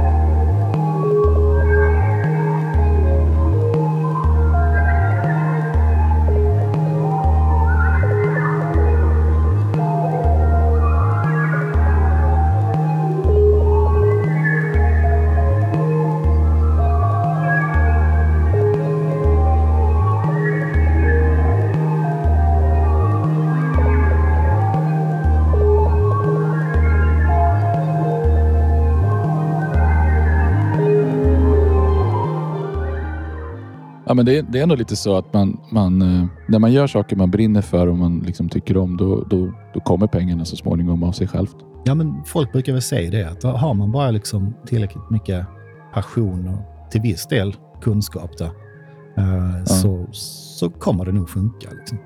Ja, och sen så tror jag att det är lättare att göra sin grej och hitta andra som gillar det än att försöka förstå vad andra vill ha och lyckas göra det. Ja, ja, så är det ju. Det har jag tänkt rätt mycket på. Att just det här med om man ska följa trender. Det känns ju som Ja. att om man skulle vara nervös och bara, okej, men oj, nu måste jag börja göra dubstep-basar och sådär. Innan Mm. du har liksom lärt dig den produktionen och speciellt nu med, när, när det tar ett år att ge ut en vinyl, då är ju den trenden förbi och då kommer du Ja. så här efterkälken och bara, ja men kolla här, nu har jag gjort det här. Ja, ja, men nu, nu gäller ju det här istället. Och då har du Ja. missat alltihop. Så eh, jag tror att det är rätt så bra att, att inte liksom följa trender för mycket. Det, sen kanske det är synd att bara fastna i en och samma loop också. Liksom. Ja, nu, nu, ja, jag lyssnade ju väldigt mycket på Frontline Assembly och jag upplevde att de på sätt och vis både satte trender och följde trender. Det- De blandade in gitarrer där på Millennium-albumet och sen var det lite mera breakbeat, loop-grejer på kommande album och sånt där. Ja, ja. Eh, Men jag tycker ändå de har behållit sin stil och sitt sound och, och det finns ju alltid album att gå tillbaka till om man vill lyssna på dem. Så där. Ja, jag har ju en del Frontline Assembly. Jag har ju liksom, vad heter den, Tactical Neural Implant-skivan. Den älskar jag. Ja. Eh, Millennium tyckte jag inte om.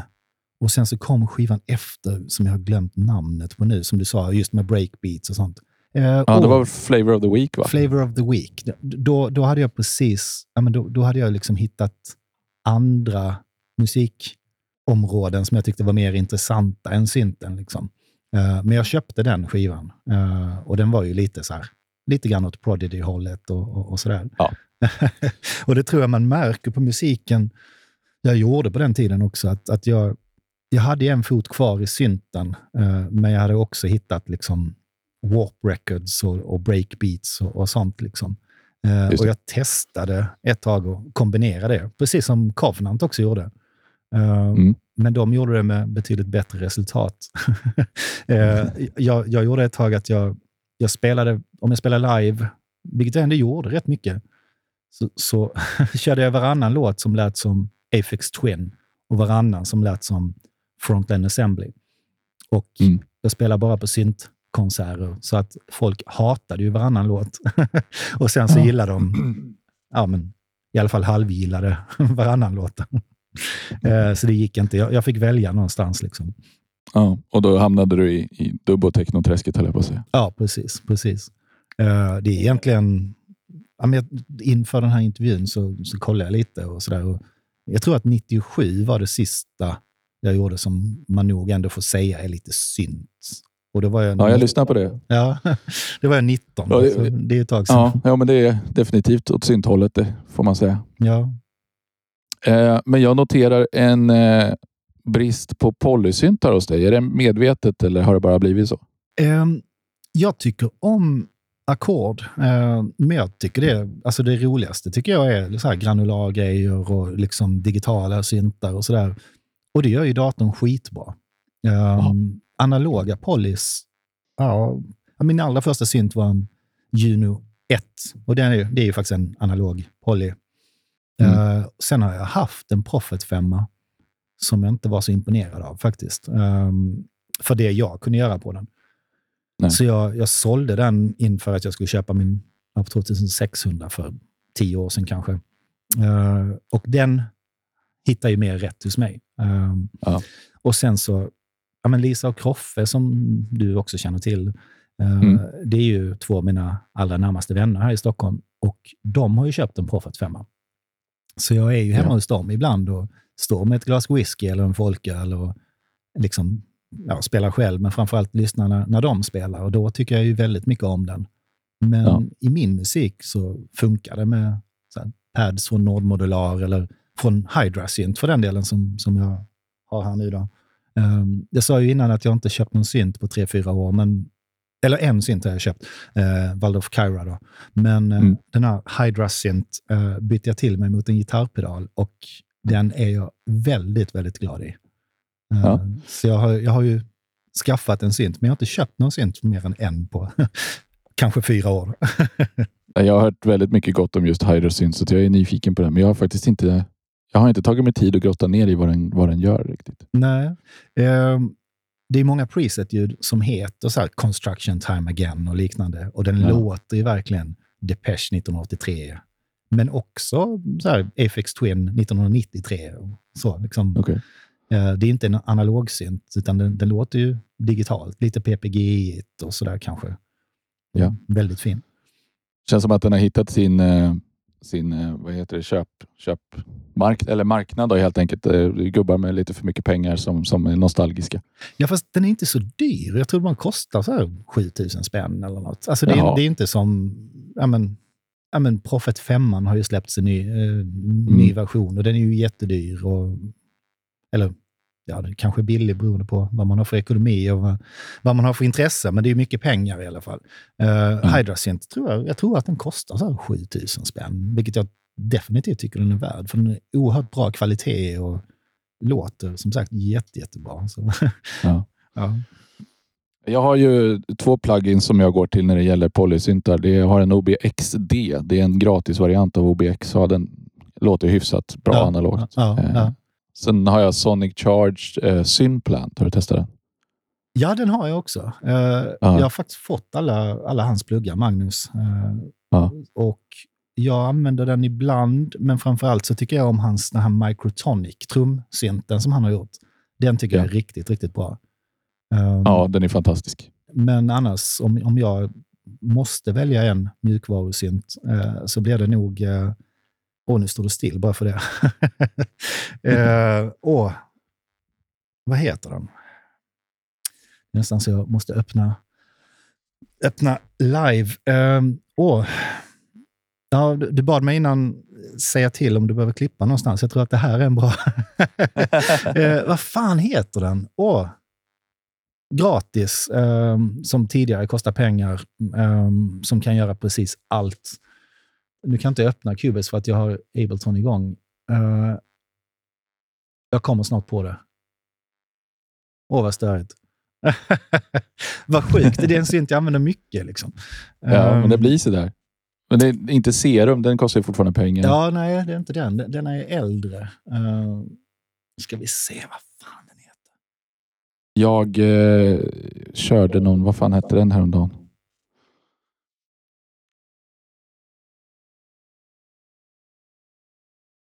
Nu kollar jag min browser här i VSD-foldern. Fan vad roligt att sitta och säga att den använder jag skitmycket och sen så kommer jag inte på vad den heter. Jag har ju Arturias paket och Native Instruments och det mesta från Softube också. Och de har ju gjort en hel del syntar nu då. Eh, Ja. Där jag har gjort en del presets och varit betatestare och sådär.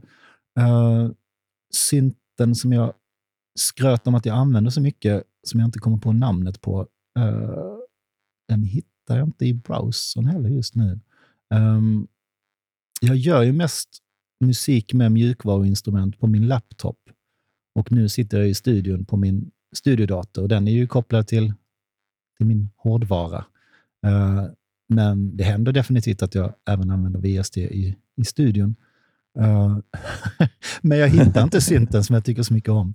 Uh, men du, av, eh, eftersom du har så god erfarenhet av 303 eh, så har du säkert testat några kloner också. ja. Eh, bland annat ser jag ju en trippel 7 Future Retro där bakom dig. ja, Eh, du ser det alltså. Ja, grej. ja, Mm. ja. Jag hade en sån. Eh, jag köpte den ganska tidigt där när de släppte den. Jag tyckte den var eh, jättefin. Alltså, eh, men jag, jag kommer inte ihåg varför jag sålde den. Eh, men vilken skulle du säga är den bästa TB-klonen då? Hmm. Ja, men det är väl Paul Barker, min kompis i Helsingborg. Han som gör RE 303. Eh, Mm. jag, och han spelade in lite musik ihop. Eh, jag sov i hans studio och sådär. Då, det är egentligen bara då, den gången som jag har testat uh, RE 303. Eh, men den, alltså, du hör ju ingen skillnad. Det, det är samma Nej. sak som en 303. Sen har jag själv den här Cyclone TT 303 eh, som jag skaffade i somras. Eller fick faktiskt av eh, just Karlskoga eh, Dario från Terrazone. Han gav mig hans TT 303. Um, och sen så har jag Butik 303 och Butik Mm. 606. Nej, inte 606. 808, 909. Um, och nu när det var sista batchen för den här Avalon, eh, amerikanska eh, 303-klonen, så eh, skapade jag faktiskt ihop lite pengar och köpte den också. Men det är ju ett år sedan nu och den har fortfarande inte kommit, utan det, är liksom, ja, det kommer väl till sommaren, skulle jag tro. Ja. Eh, men den bästa är nog, eh, alltså vad, vad som nu är bäst, men om du vill ha ett autentiskt ljud så måste det väl ändå vara RE303. Eh, sen så tycker jag, jag har tänkt rätt mycket på det. Jag försöker ju få 303 att inte låta jättemycket som en 303. Jag tycker ju om att köra det genom något eventide-effekt och, och liksom göra musik bara med 303, men jag har ju, jag har ju sett på vissa forum och, och sådär att folk är så här, jaha, nu gör du musik med en 303, men, men du dränker ju den med, med reverb. Så, ja, fast jag gör ju inte demos, jag gör ju musik. Jag, jag Ja. använder inte 303 och lägger upp på YouTube för att demonstrera en 303, utan det är ju musiken som är det viktiga. Precis, du gör ju konst. Liksom. Det är inte, det är inte produktionsdemo. Nej. Och det har jag också tänkt mycket på när, när folk säger så här, men det spelar ingen roll om det är en äkta 909 eller en samplad 909, för det är ingen som kommer att höra det på dansgolvet. Men det spelar ju roll för dig som gör musiken. Alltså, Ja. Det är jättetråkigt om musik bara skulle vara resultatinriktat. Att okej, nu är jag färdig med låten. Den blir så här. Ehm, jag tänker ju tvärtom. Alltså, nu tycker inte jag att det är vid, alltså, man kan väl sitta i Ableton eller i Fruity Loops eller i Reason eller någonting och göra fantastiskt bra techno med samplade bastrummor som är från 909 eller hi-hats eller vad man nu vill använda därifrån. Um, men det är ju... Det handlar ju också om liksom, timmarna du sitter i studion. Det handlar inte bara om att låten är klar. Uh, och tycker man att det är roligare med en äkta 909, om man har den, den slanten att köpa, eller att, som i mitt fall, köpte den för 20 år sedan, eh, då kan man ju använda det. Liksom. Eh, vad jag menar är att det är så många som tycker att eh, ingen kommer att höra hur du har gjort det här. Men för mig handlar musik om, om stunden när jag sitter i studion. Det handlar inte om liksom, att åh, nu finns den här låten på Spotify. det, det är inte det viktiga, utan det viktiga är att ha kul och göra musik. Och det är roligare att sitta med, tycker jag just nu i alla fall, eh, en riktig 303 och en riktig 909 än att sitta i Rebirth, som jag använde jättemycket på slutet av 90-talet. Men Jag, jag tror att det där är en jätteviktig poäng för att ehm, det, är- det är nog ingen som hör någon skillnad när de står där på dansgolvet och svettas. Men för dig som musiker så, så jag tror att det hörs om du har tyckt om att göra musiken. Mm. Eh, Så att om man tvingar sig till ett arbetssätt av olika skäl som man inte trivs med, då märks det i, i musiken. Och, och, och med det sagt, så om du trivs med att sitta med Ableton med samplingar och göra techno och du är jätteproduktiv och gör fantastisk musik, ja men så mycket bättre då. Ja. Då är det ju bara fantastiskt. Men om du inte gör det så, så, så behöver man inte på något sätt ursäkta sig för att man föredrar hårdvara som man råkar ha eller har råd med. Det, det tycker inte jag. Nej. Jag, jag tycker för min del beror det också på vilken musik jag gör. Uh, TM404-projektet är ju uppenbarligen 303, och 808 och 606 och 101 Mm. och 202 och allt det där. Ehm, men när jag gör min techno, då kan jag definitivt göra det på bara en analog rytm. Ehm, Mm. Vad jag däremot inte kan göra när jag gör techno, det är att göra det i datorn. För jag tycker det är oerhört tråkigt att göra technomusik i datorn. Att, att sitta i Ableton och klicka ut trumrytmer med musen, det, alltså, det får någon annan göra. Jag tycker det är ett jättetråkigt sätt att göra dansmusik Ja. på. Ehm, Ja. Men däremot ambient och liksom drones och ja, den typen av musik, det kan jag göra i datorn hur, hur enkelt som helst och tycker det är jättespännande. Liksom. Så det är Ja. helt beroende på vad jag, vad jag känner för att göra musik. eh, För musik. Jag letar vidare efter den här synten. Jag, jag hittar fan inte den. Ehm, nej, jag, jag, jag hittar inte den. Sur, oh, heter den Sur, Search? Search heter den ju. Fast med. Y. Eh, alltså inte Search som uh, modularsystemet, utan Search med Y. Just det. Den använder jag jättemycket. Och kommer tydligen en inte open på vad den source heter. också? Vad sa du? Det är väl en open source också? Ja, precis. Ja, precis. Ja. Mm, jag tror att du nämnde den där på 99 Musik för ett tag sedan och jag kollade upp den. Ja. Eh, Jag har inte riktigt hunnit satt mig in i den, men, men den verkar ju otroligt kompetent. Ja, ja men den, den använder jag jättemycket. Uh, det är väl... Och, och ibland Parallels uh, av Softube. Uh, den är ju jättebra om man ska göra så här stora ljudlandskap och sådär. Liksom. Ja. Och det ska man ju göra då och då. Ja, precis. Jag vet inte om du har hört talas om det, men jag har ju ett, ett helt galet mastodontprojekt. Jag ska försöka göra tre timmar ambient. Så Okej. att jag håller på och försöker peta ihop massa ljudlandskap. Och jag tar ju in bidrag från olika människor, så att jag har några stycken som är med i projektet. Aha. Men eh, det finns alltid plats för fler. Så, så du, du får liksom en ljudmatta som du sen bakar in i projektet och sådär? Liksom, eller? Ja, Ja. så här är reglerna. Eh, tonarten är D-small. Eh, hastigheten är 79 bpm. Ja. Och eh, Sen får man bara bidra med precis vad man vill. Om det är ett arpeggio, eller om det är en loop, eller om det är brus, eller fältinspelning eller whatever. Det här har du nämnt i uh, Svensk hu hushållssynt, Ja. eller hur? Ja, ja, för jag känner igen Ja. det där. Ja, jag har ju alltid massa, massa ljud och loopar och sådär. Eh, jag har gjort en konsert, eller flera konserter, som är sex timmar långa med ambient. Eh, den första var på Internalfestivalen i Malmö för, jag tror att det är fem år sedan nu.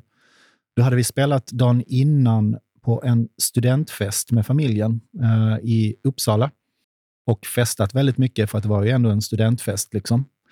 Och så Ja. sovit typ ingenting. Och sen så åkte vi till, från, från Uppsala till Lund dagen efter. Och så gjorde vi en tidig spelning eh, på en annan studentfest. Eh, och därefter så åkte jag själv till Malmö för att göra sex timmar ambient eh, med start midnatt fram till ja, sex på morgonen. Då. Och Ja. eh, då hade jag med mig en buckla och även laptop och gjorde loopar och sådär. Liksom. Ehm, och det gick ju bra ett tag. Men när folk började snarka runt omkring en så började jag också bli så in i helvete trött. Så när klockan var fem och jag märkte att nu är det faktiskt ingen som är vaken, eh, då men jag gjorde någon patch i bucklan som är lite självspelande och sådär. Och så ställde jag klockan på sex och eh, somnade själv.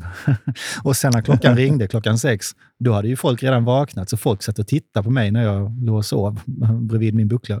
Ehm, Ja. Men jag älskar sådana koncept som du säger att du ska göra musik som är tre timmar långt. Eh, Mm. Jag älskar verkligen det här att, att liksom, musik får ta tid och framför allt känslan av att man inte vet om det finns en början och ett slut och sådär. Ehm, det tänker jag väldigt, väldigt mycket på när jag gör egen musik. För att oftast när jag gör musik så är det ju, det är ju loopar. Liksom. Om jag hittar en loop som är, ja men det kan ju bara vara fyra takter eller någonting, men där det händer, det är modulationer hit och dit. Uh, och man kan stå ut med att lyssna på den i en timme utan att bli dum i huvudet. Då brukar jag tycka att det här är, det här är en bra låt. Det är dags att göra någonting. Uh, däremot så tycker jag det är lite tråkigt för att jag älskar känslan av att gå runt i studion, höja någon hi-hat, skicka, skicka liksom virveltrumman till ett fjärde reverb och, och, och sådär. Och att allting är möjligt. Jag kan förändra låten fortfarande. Sen när låten väl är inspelad, då är den ju liksom död på något sätt. För då kan man inte göra någonting. Då finns den bara. Liksom. Eh, Men jag Mm. älskar stunden innan man spelar in. När, när man står och liksom... Det, det händer att jag liksom går och tar lunch och låter den här loopen bara pågå. Och så kommer jag ner igen och visst ja, fan det här är grymt. Och då är det dags att spela in. Jag älskar den känslan. Ja. Det, det, är liksom, det är nog essensen av vad jag vill ha ut av, av musik. Att, att liksom, det känns som att man står i ett laboratorium och bara kan skruva och fixa och förändra. Det, det, det tycker jag är oerhört skönt. Men det där hänger ju väldigt mycket ihop med hur man gör musiken och du har ju massa maskiner med inbyggda sequencers och sånt där, så då, då funkar ju det där. Eller om du låter datorn styra dem för den delen. Men, men eh, eh, det händer liksom inte att du committar delar av musiken in i datorn och sen liksom sitter och klipper och klistrar och arrangerar efteråt. Eh, det händer. Det händer. Eh, ibland så spelar jag in bara left-right, men jag har ju jag har ett Midas-bord här med 24 in och 24 ut och så har jag ett Apollo eh, som har 8 in och 8 ut. Så jag har ju rätt många kanaler jag kan spela in på separat och det gör jag också rätt ofta. Och då händer det ju att liksom 606ans puka kommer in lite för högt. Ibland är Ja. det fint att det får vara för högt och i andra sammanhang så ja, kanske jag sänker det och, och, och så. Ehm, men min allra första riktiga LP, min första liksom, ja, men jag var också med på så här synt-samlingsskivor på 90-talet, men i början av år 2000 släppte jag min första riktiga LP. Och den gjorde jag i hun- hun- 100% i Soundforge. Eh, jag hörde, ni pratade om det i för, förra avsnittet av podden, Ja. eh, om, om Soundforge. Eh, det var Joel, som jag berättade om tidigare, som jag lärde känna i den här utbildningen i Karlskoga. Han visade mig Soundforge. Och ja, detta är 98. Då satt jag med, jag hade MS10, MS20, SQ10, VC10, Nordlead, Yamaha A3000, Akai S900. Jag hade rätt mycket instrument, speciellt med tanke på att jag var 20 år gammal. Eh, men, eller ja, 21. Men eh, när han visade mig Soundforge och vad han gjorde för musik, då förstod jag att det jag höll på med var ju bara skit. Alltså, innan dess så ty ty tyckte jag nog att, att min musik var rätt bra och att jag hade rätt bra koll på, på saker och ting. Sen träffade jag Joel som satt med en dator och gjorde fantastisk musik. Och då började han visa mig Soundforge. Och jag visade honom den här Jescola Bass Trackern. Just det. Eh, och vi började göra musik tillsammans och, och, och så. Och ett par år senare så gjorde jag min första LP efter att ha sålt nästan alla mina syntar och köpt en bra dator istället. Så min första LP är gjord 100% i, i Soundforge. Och sen de kommande skivorna gjorde jag i Jescola Bass. Och det är ju en gratis tracker eh, som är Ja. rätt så begränsad. Men jag, men jag gjorde liksom ljud på min MS-20 som jag behöll och min mikromodular som jag också behöll. Men jag sålde precis allt annat. Eh, jag behöll MS-20 och mikromodularen. Och så gjorde jag Men- men- på det. Men Soundforce var ju mest så här, äh, musikredigeringsprogram. Det fanns någon tongenerator i den tror jag. Men, men Mm. Du spelade in saker och klippte och klistrade i Ja, Soundforce. precis. Så jag spelade in min MS-20. Jag spelade in... eh, ja, men det fanns någon plugg som heter Stomper. Uh, svensk uh, trummaskinsplugg. Trumsyntesplugg. Och så spelade jag in från Rebirth. Och det fanns någon modularsynt som heter VAS, tror jag. Alltså detta är 99 typ. Så spelade man Mm. in lite loopar. och man kunde ju också ta andras loopar. Och så eh, satte man att Abel, nej, Ableton. Nu så van vi att prata Ableton när- jag pratar musik i datorn. Soundforge. Eh, då kunde man sätta att Soundforge eh, klippte upp olika transienter utifrån en befintlig loop som man drog in. Och så tog man bort själva ljudet och så fanns det bara markörer kvar. Så då, då kunde man sno en rytm från Aphex Twin genom att liksom ta in hans rytm, just men ta bort själva rytmen. Och bara se där man, okej, där ska ett slag in, där ska ett slag in. Och så gjorde jag sånt. Eh, och det är ju till 100% motsatsen till musik jag gjorde innan och musik jag gör idag. För att då satt man ju verkligen bara... Det, det, det handlar inte alls om att jamma, utan det handlar bara om att bygga musik. Liksom. Eh, Mm. Vilket jag tyckte var otroligt fascinerande kring millennieskiftet. Att, att liksom sitta med en dator och bygga musik. Eh, liksom. Det var jättekul. Och I Soundforge så fanns det ju bara en undo dessutom. Så att om, om man Ja, hade lagt det. in en hi-hat på ett padljud och sen la in en cowbell, då kunde du inte ta bort hi-haten igen. Utan för varje steg så var du tvungen att tänka, är det här rätt? Ska jag liksom göra det här? Eller liksom, du kan inte gå tillbaks. Nej. och det var rätt så. Upp- Upplever du det som ett problem idag? Att det finns för mycket möjligheter att ångra sig och backa och hålla på och krångla? Ja, det, det tror jag att är en stor del av anledningen till att jag använder hårdvara. Att det faktiskt inte Mm. finns så otroligt många möjligheter att göra om saker och ting. Jag älskar att liksom, okej, nu, nu är låten klar och för, jag har använt alla ljud i min analogrytm och jag har använt mina 2303 och min 606. Det finns inget mer jag kan göra. Okej, nu, nu är låten klar. Nu får jag spela in den. Ja. Sitter man i, um, i Ableton eller vad man nu sitter i datorn så är det ju så oerhört enkelt att men, browsa efter rätt synt. Och sen när man har hittat rätt synt så finns det 3000 presets. och så sitter man och Ja. skruvar det istället för att ratta fram ljudet man kanske Precis. vet att man vill ha. Ja, men jag, jag tror att det finns mängder av sådana här prokrastineringsfällor idag som inte riktigt fanns förut. Ja, så är det Eh. ju. Och, och som du pratade om tidigare också, internet. Att man Ja. har det på samma dator som när man gör, den man gör musik på, så är det så oerhört enkelt att det är en tab bort. Man ska bara kolla ett mail och sen Mm. så har det gått 30 minuter och man har glömt bort vad man hade för idé i låten. Liksom. Eh, Ja. Och där är det ju definitivt en fördel med att sitta då på landet i en stuga med familjen Johan och, och ha ja, men en buckla och en Prophet 6 och eller vilken det är nu han har. Jag tror det är Prophet 6. eh, och, och, och en kassettbandspelare att spela in det på. Eh, för då, då blir saker och ting gjorda. Liksom. Det enda man kan göra är att så här, gå och fylla på lite mer ved för att brasan börjar ta slut. Eller hälla upp en whisky eller gå en promenad eller någonting. Men, men i övrigt så har man inte liksom har inte med sig laptops eller, eller någonting, utan nu är vi här för att göra musik i en vecka och det, nu ska vi ha ett album när vi kommer hem. Liksom. tycker det låter helt fantastiskt. Ja. Det är En underbar liksom, sätt att spendera tid och sätt att lära känna varandra och liksom åstadkomma saker tillsammans och Det är hänga. det bästa sättet att umgås. Det är det ju verkligen. Ja. Att man bara, Ja. okej, nej, men man snackar lite. Speciellt med Kitte brukar det vara så att vi, vi pratar om saker under tiden som vi skruvar ljud. Uh, står med en MS-synti och försöker få till så att oscillatorerna stämmer eller någonting. Och så sitter han och spelar någon melodi. Och så pratar han ändå, ja du, hur var det på den festivalen förra helgen? Och så, så, så pratar man om saker och sen går man och tar en pizza och sen gör man klart musiken. Liksom. Ja. Eh, ja, jag vet inte. Andra normala människor ses kanske spelar biljard och dricker öl och gör samma sak. Liksom, så här, snackar. Ja. Men eh, vi som är lite mer kufar ses över en modularsynt och, och snackar. Liksom. Jag, jag tycker det låter helt fantastiskt. Eh, jag har faktiskt en sak till jag skulle vilja prata lite grann om. Och det är, du jobbar ju med elektroniskt i P2. ja, det stämmer. Eh, det har du gjort ett antal år va? Ja, eh, jag tror att jag har gjort radio i 15 år.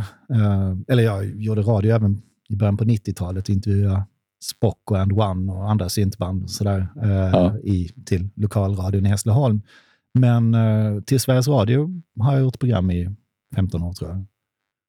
Ja. Men du är inte anställd där utan du gör det som en del av ditt produktionsbolag så att säga. Ja, precis. Jag skulle önska att, att de skulle anställa mig, eller att någon skulle anställa mig, men jag har ju bara haft en anställning mellan 99 och 2000 alltså, eh, på ett annat Ja. företag. Då. Men eh, ja, det stämmer. Jag gör radio tillsammans med Mats Almegård. Eh, Vi har varit lite olika personer i redaktionen, men Mats och jag har alltid varit kärnan. Där Mm. jag är Ja, från början så ville inte jag vara med och prata, men nu är jag ju programledare. Men min främsta uppgift är egentligen produktionen. Klippa ihop ja, men ljud och en del intervjuer och ljudlägga och musiklägga och sådär.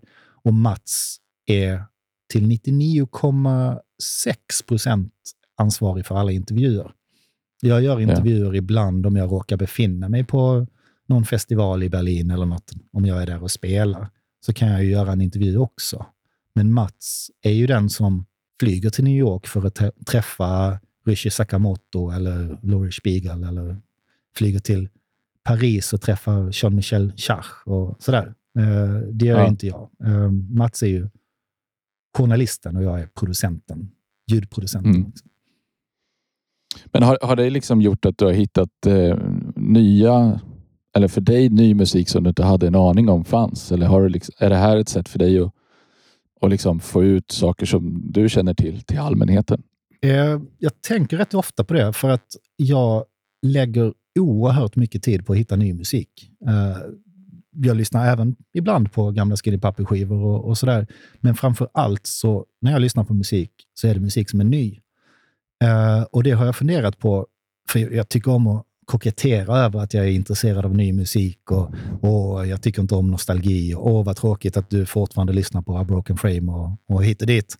Eh, men det är ju, tror jag, till viss del, eller till största delen, för att jag har ju det yrket. Jag, jag ska lyssna på ny musik. Eh, framförallt i radion, men även när jag gör mina egna musikproduktioner så vill jag ju lite grann veta vad som försiggår på klubbarna runt om i världen och liksom ja, men vi pratade om trender tidigare. Det kanske är bra att vara medveten om vissa trender inom techno och sådär om du faktiskt vill ha en möjlighet att bli bokad till någon kul festival nästa sommar och sådär. Men du behöver inte följa trenderna. Men, men man kan lite grann känna att okej, okay, nu har det gällt i flera år om att man ska göra liksom hypnotisk techno som ja, mycket reverb och djupa bastrummor och, trummor och sådär. Um, så att jag letar upp ny musik är nog främst för mitt yrke. Liksom.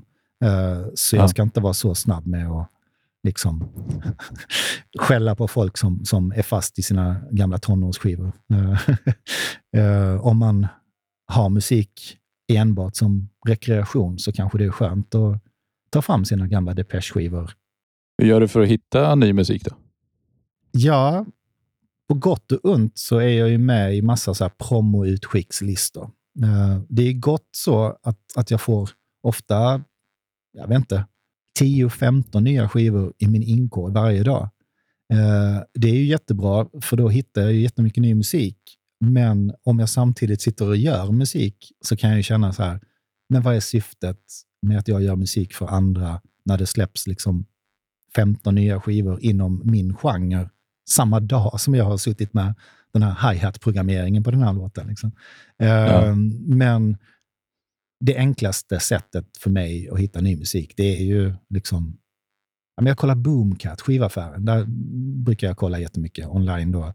Hardwax, eh, som alltid har så här, det här är de nya skivorna den här månaden, eller veckan till och med. Det, veckan.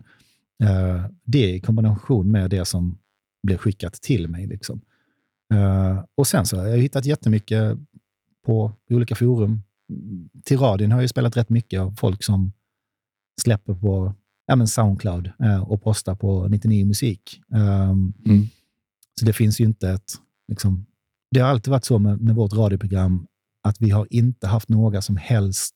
Uh, det finns inga chefer som säger till oss att men nu kommer ju den här skivan den här månaden. Måste, borde inte ni göra ett program om Daft Punks nya skiva? Det finns inte, utan vi, vi gör ju det programmet vi vill göra.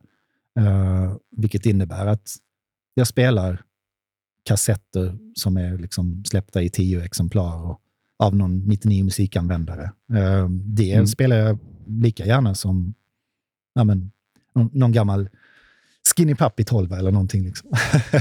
Ja, ja, men jag tycker det är jättebra att ni får liksom fria tyglar och kan, kan köra ja. som ni vill. Men det finns ju ändå någon sorts format på liksom hur långt det ska vara. Ja, det är två timmar alltid. Uh, sen kan jag ibland tycka att det är lite tråkigt att vi såklart får mer uppmärksamhet när vi har träffat Skinny Puppy. Nu tjatar jag om Skinny Puppy, men vi har även träffat Frontline Assembly och vi har träffat Front 242 och Kraftwerk och Depeche Mode och alla möjliga så gamla, gamla syntare. Eh, mm. Och för den delen även liksom, stora inom industri och ambient och, och techno. Um, då får vi alltid mest lyssnare. Och jag skulle ju egentligen önska att folk var lika sugna på ja, men någon som, jag vet inte, eh, spelar in syrsor i, i hjärna och, och gör liksom loopar kring det. Men, men det, det finns ett större intresse för gamla liksom, The Clinic och, och liknande förstås. Uh, men så, så är det ju. så är det ju tyvärr och det är lite likadant med mina avsnitt. Jag, jag intervjuar ju både mer och mindre kända ja. människor. Och Jag tycker alla har någonting intressant att säga och någonting viktigt att, att ge. Ja. Uh, så, så det är lite synd när man märker att ett avsnitt med någon som inte är så känd kanske inte får så många lyssningar, men det finns nog guldkorn där i också. Liksom. Ja, uh, jag minns inte vad han hette, men det är är det ditt förrförra avsnitt uh, som höll på med field recordings och han har hållit på med Gabber Trans och sådär. Ja, jag minns Björn. inte vad han heter. Björn. Ja. Ja. Det tyckte jag var väldigt intressant. och ditt senaste program, ja, men det är ju med, med Joakim Montelius Covenant. Det är mm. också intressant. Men jag har ju hört honom prata, jag har till och med intervjuat honom tidigare. och jag vet allt om Covenant redan. Liksom. Så därför är det ju kul att höra de här programmen Okej, okay, jag vet. Ja, nu, visste jag ju, nu hade jag ju till och med glömt hans namn, men jag har ju haft väldigt, behåll, väldigt behållning av att höra programmet uh, för att det är något helt nytt. Det, det tycker ja. jag är liksom något som folk ibland missar. Att de, lite enklare att, att liksom fortsätta lyssna på sina Spotify-spellistor än att liksom försöka hitta något nytt. Å andra sidan, Spotify och Tidal och liknande kan ju vara bra på att få en att upptäcka ny musik i och med att det finns algoritmer. Så här, du, du har lyssnat på Soft Cell och Pet Shop Boys, då kanske du också gillar det här. Liksom. Ja, ja jag, min Spotify-algoritm har varit jätteduktig på att ge mig fantastisk musik i flera år, men nu har den börjat tackla av på något konstigt sätt. Men, men jag har hittat en hel del riktigt, riktigt, riktigt bra. Alltså. Ja, ja. Uh, jag, jag använder inte Spotify, men jag har börjat använda Tidal nu. Uh, mm. Och då har jag faktiskt märkt det, att, att jag liksom, ah, okej, okay, här är något nytt för mig. Fan vad, vad kul. På tal om att hitta ja. ny musik. Liksom, uh, jag har ja. faktiskt hittat en del musik därigenom. Sen har, har man ju YouTube också. Uh, man har kollat olika, liksom, ja, men, någon kanadensisk skiva från 70-talet och någon västafrikansk bla bla bla. Och då tycker Spotify, äh, YouTube att men du, då borde ju du vara intresserad av det här. Och så klickar man. Ja. Och så bara, ja, jo, men det här var ju bra. Sen ibland går det ja. helt åt helvete. Liksom.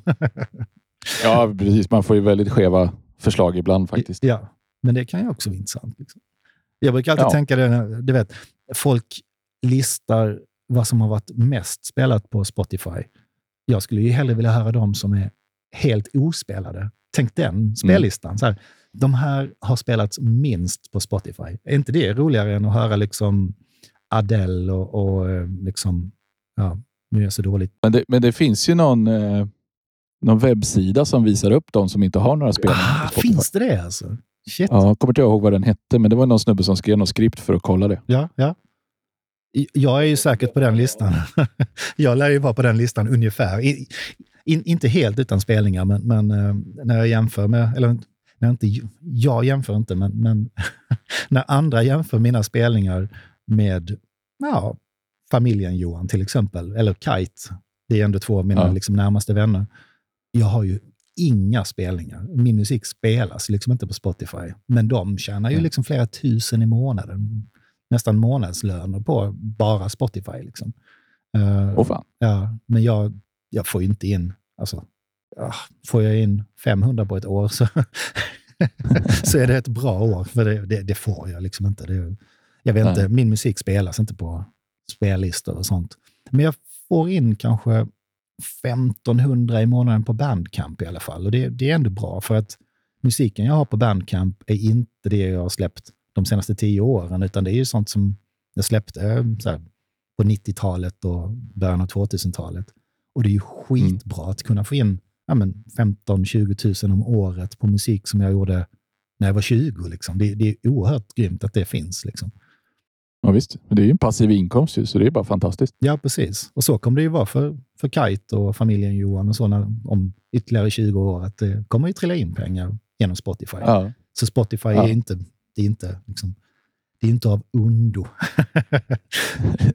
inte bara i alla fall. Inte bara. Du, jag tänkte avsluta lite grann med om du har några tips för andra personer som skulle vilja göra som du och leva på sin musik och jobba med musik. Hmm. Alltså, just nu så är jag i en oerhörd svacka eh, som jag skyller på pandemin. Då. Men jag har, jag har två spelningar bokade. Tre med familjen, men två egna.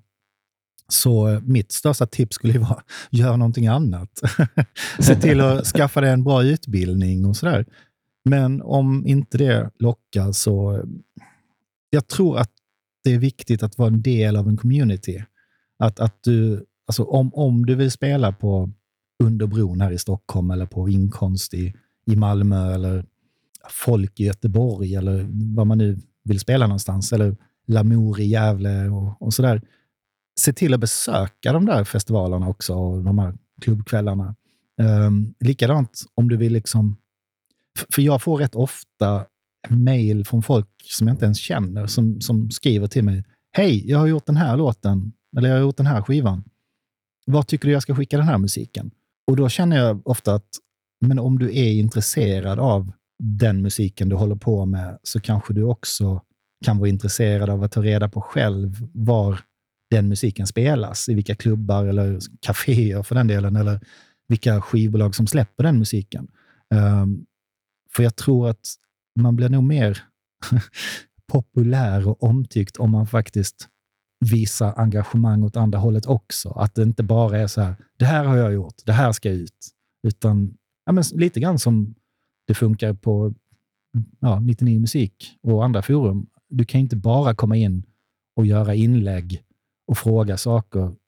Eh, eller för den delen komma in och göra inlägg och posta dina låtar, men sen samtidigt ignorera andras inlägg och andras låtar. Utan vill du vara en del av, av någonting så får du ju se till att, att det går åt båda hållen. Liksom, kommentera andras låtar, eh, svara på andras frågor och, och liksom, ja, speciellt i de här mindre kretsarna som vi ändå rör oss i, då, då är det ju mer community än att jag är artist och du är något annat. Utan det, det är ju väldigt mycket så här, jag menar, Visst, jag, jag har tjänat en del pengar på min musik, men, men de allra flesta som har vanliga jobb tjänar ju betydligt mer än vad jag gör.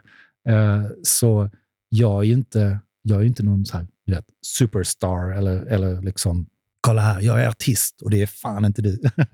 Utan Nej. det är ju en community av, av folk som är jävligt intresserade av musik, av instrument, av skivor och, och sådär. Och se då till att, att du är en av dem, snarare än att du försöker vara någonting annat. Liksom, och, och, och så. Det, det, är väl ett bra tips om man vill komma någonstans. Att, att ja, men, vara ödmjuk och, och, intresserad av, av vad andra också håller på med.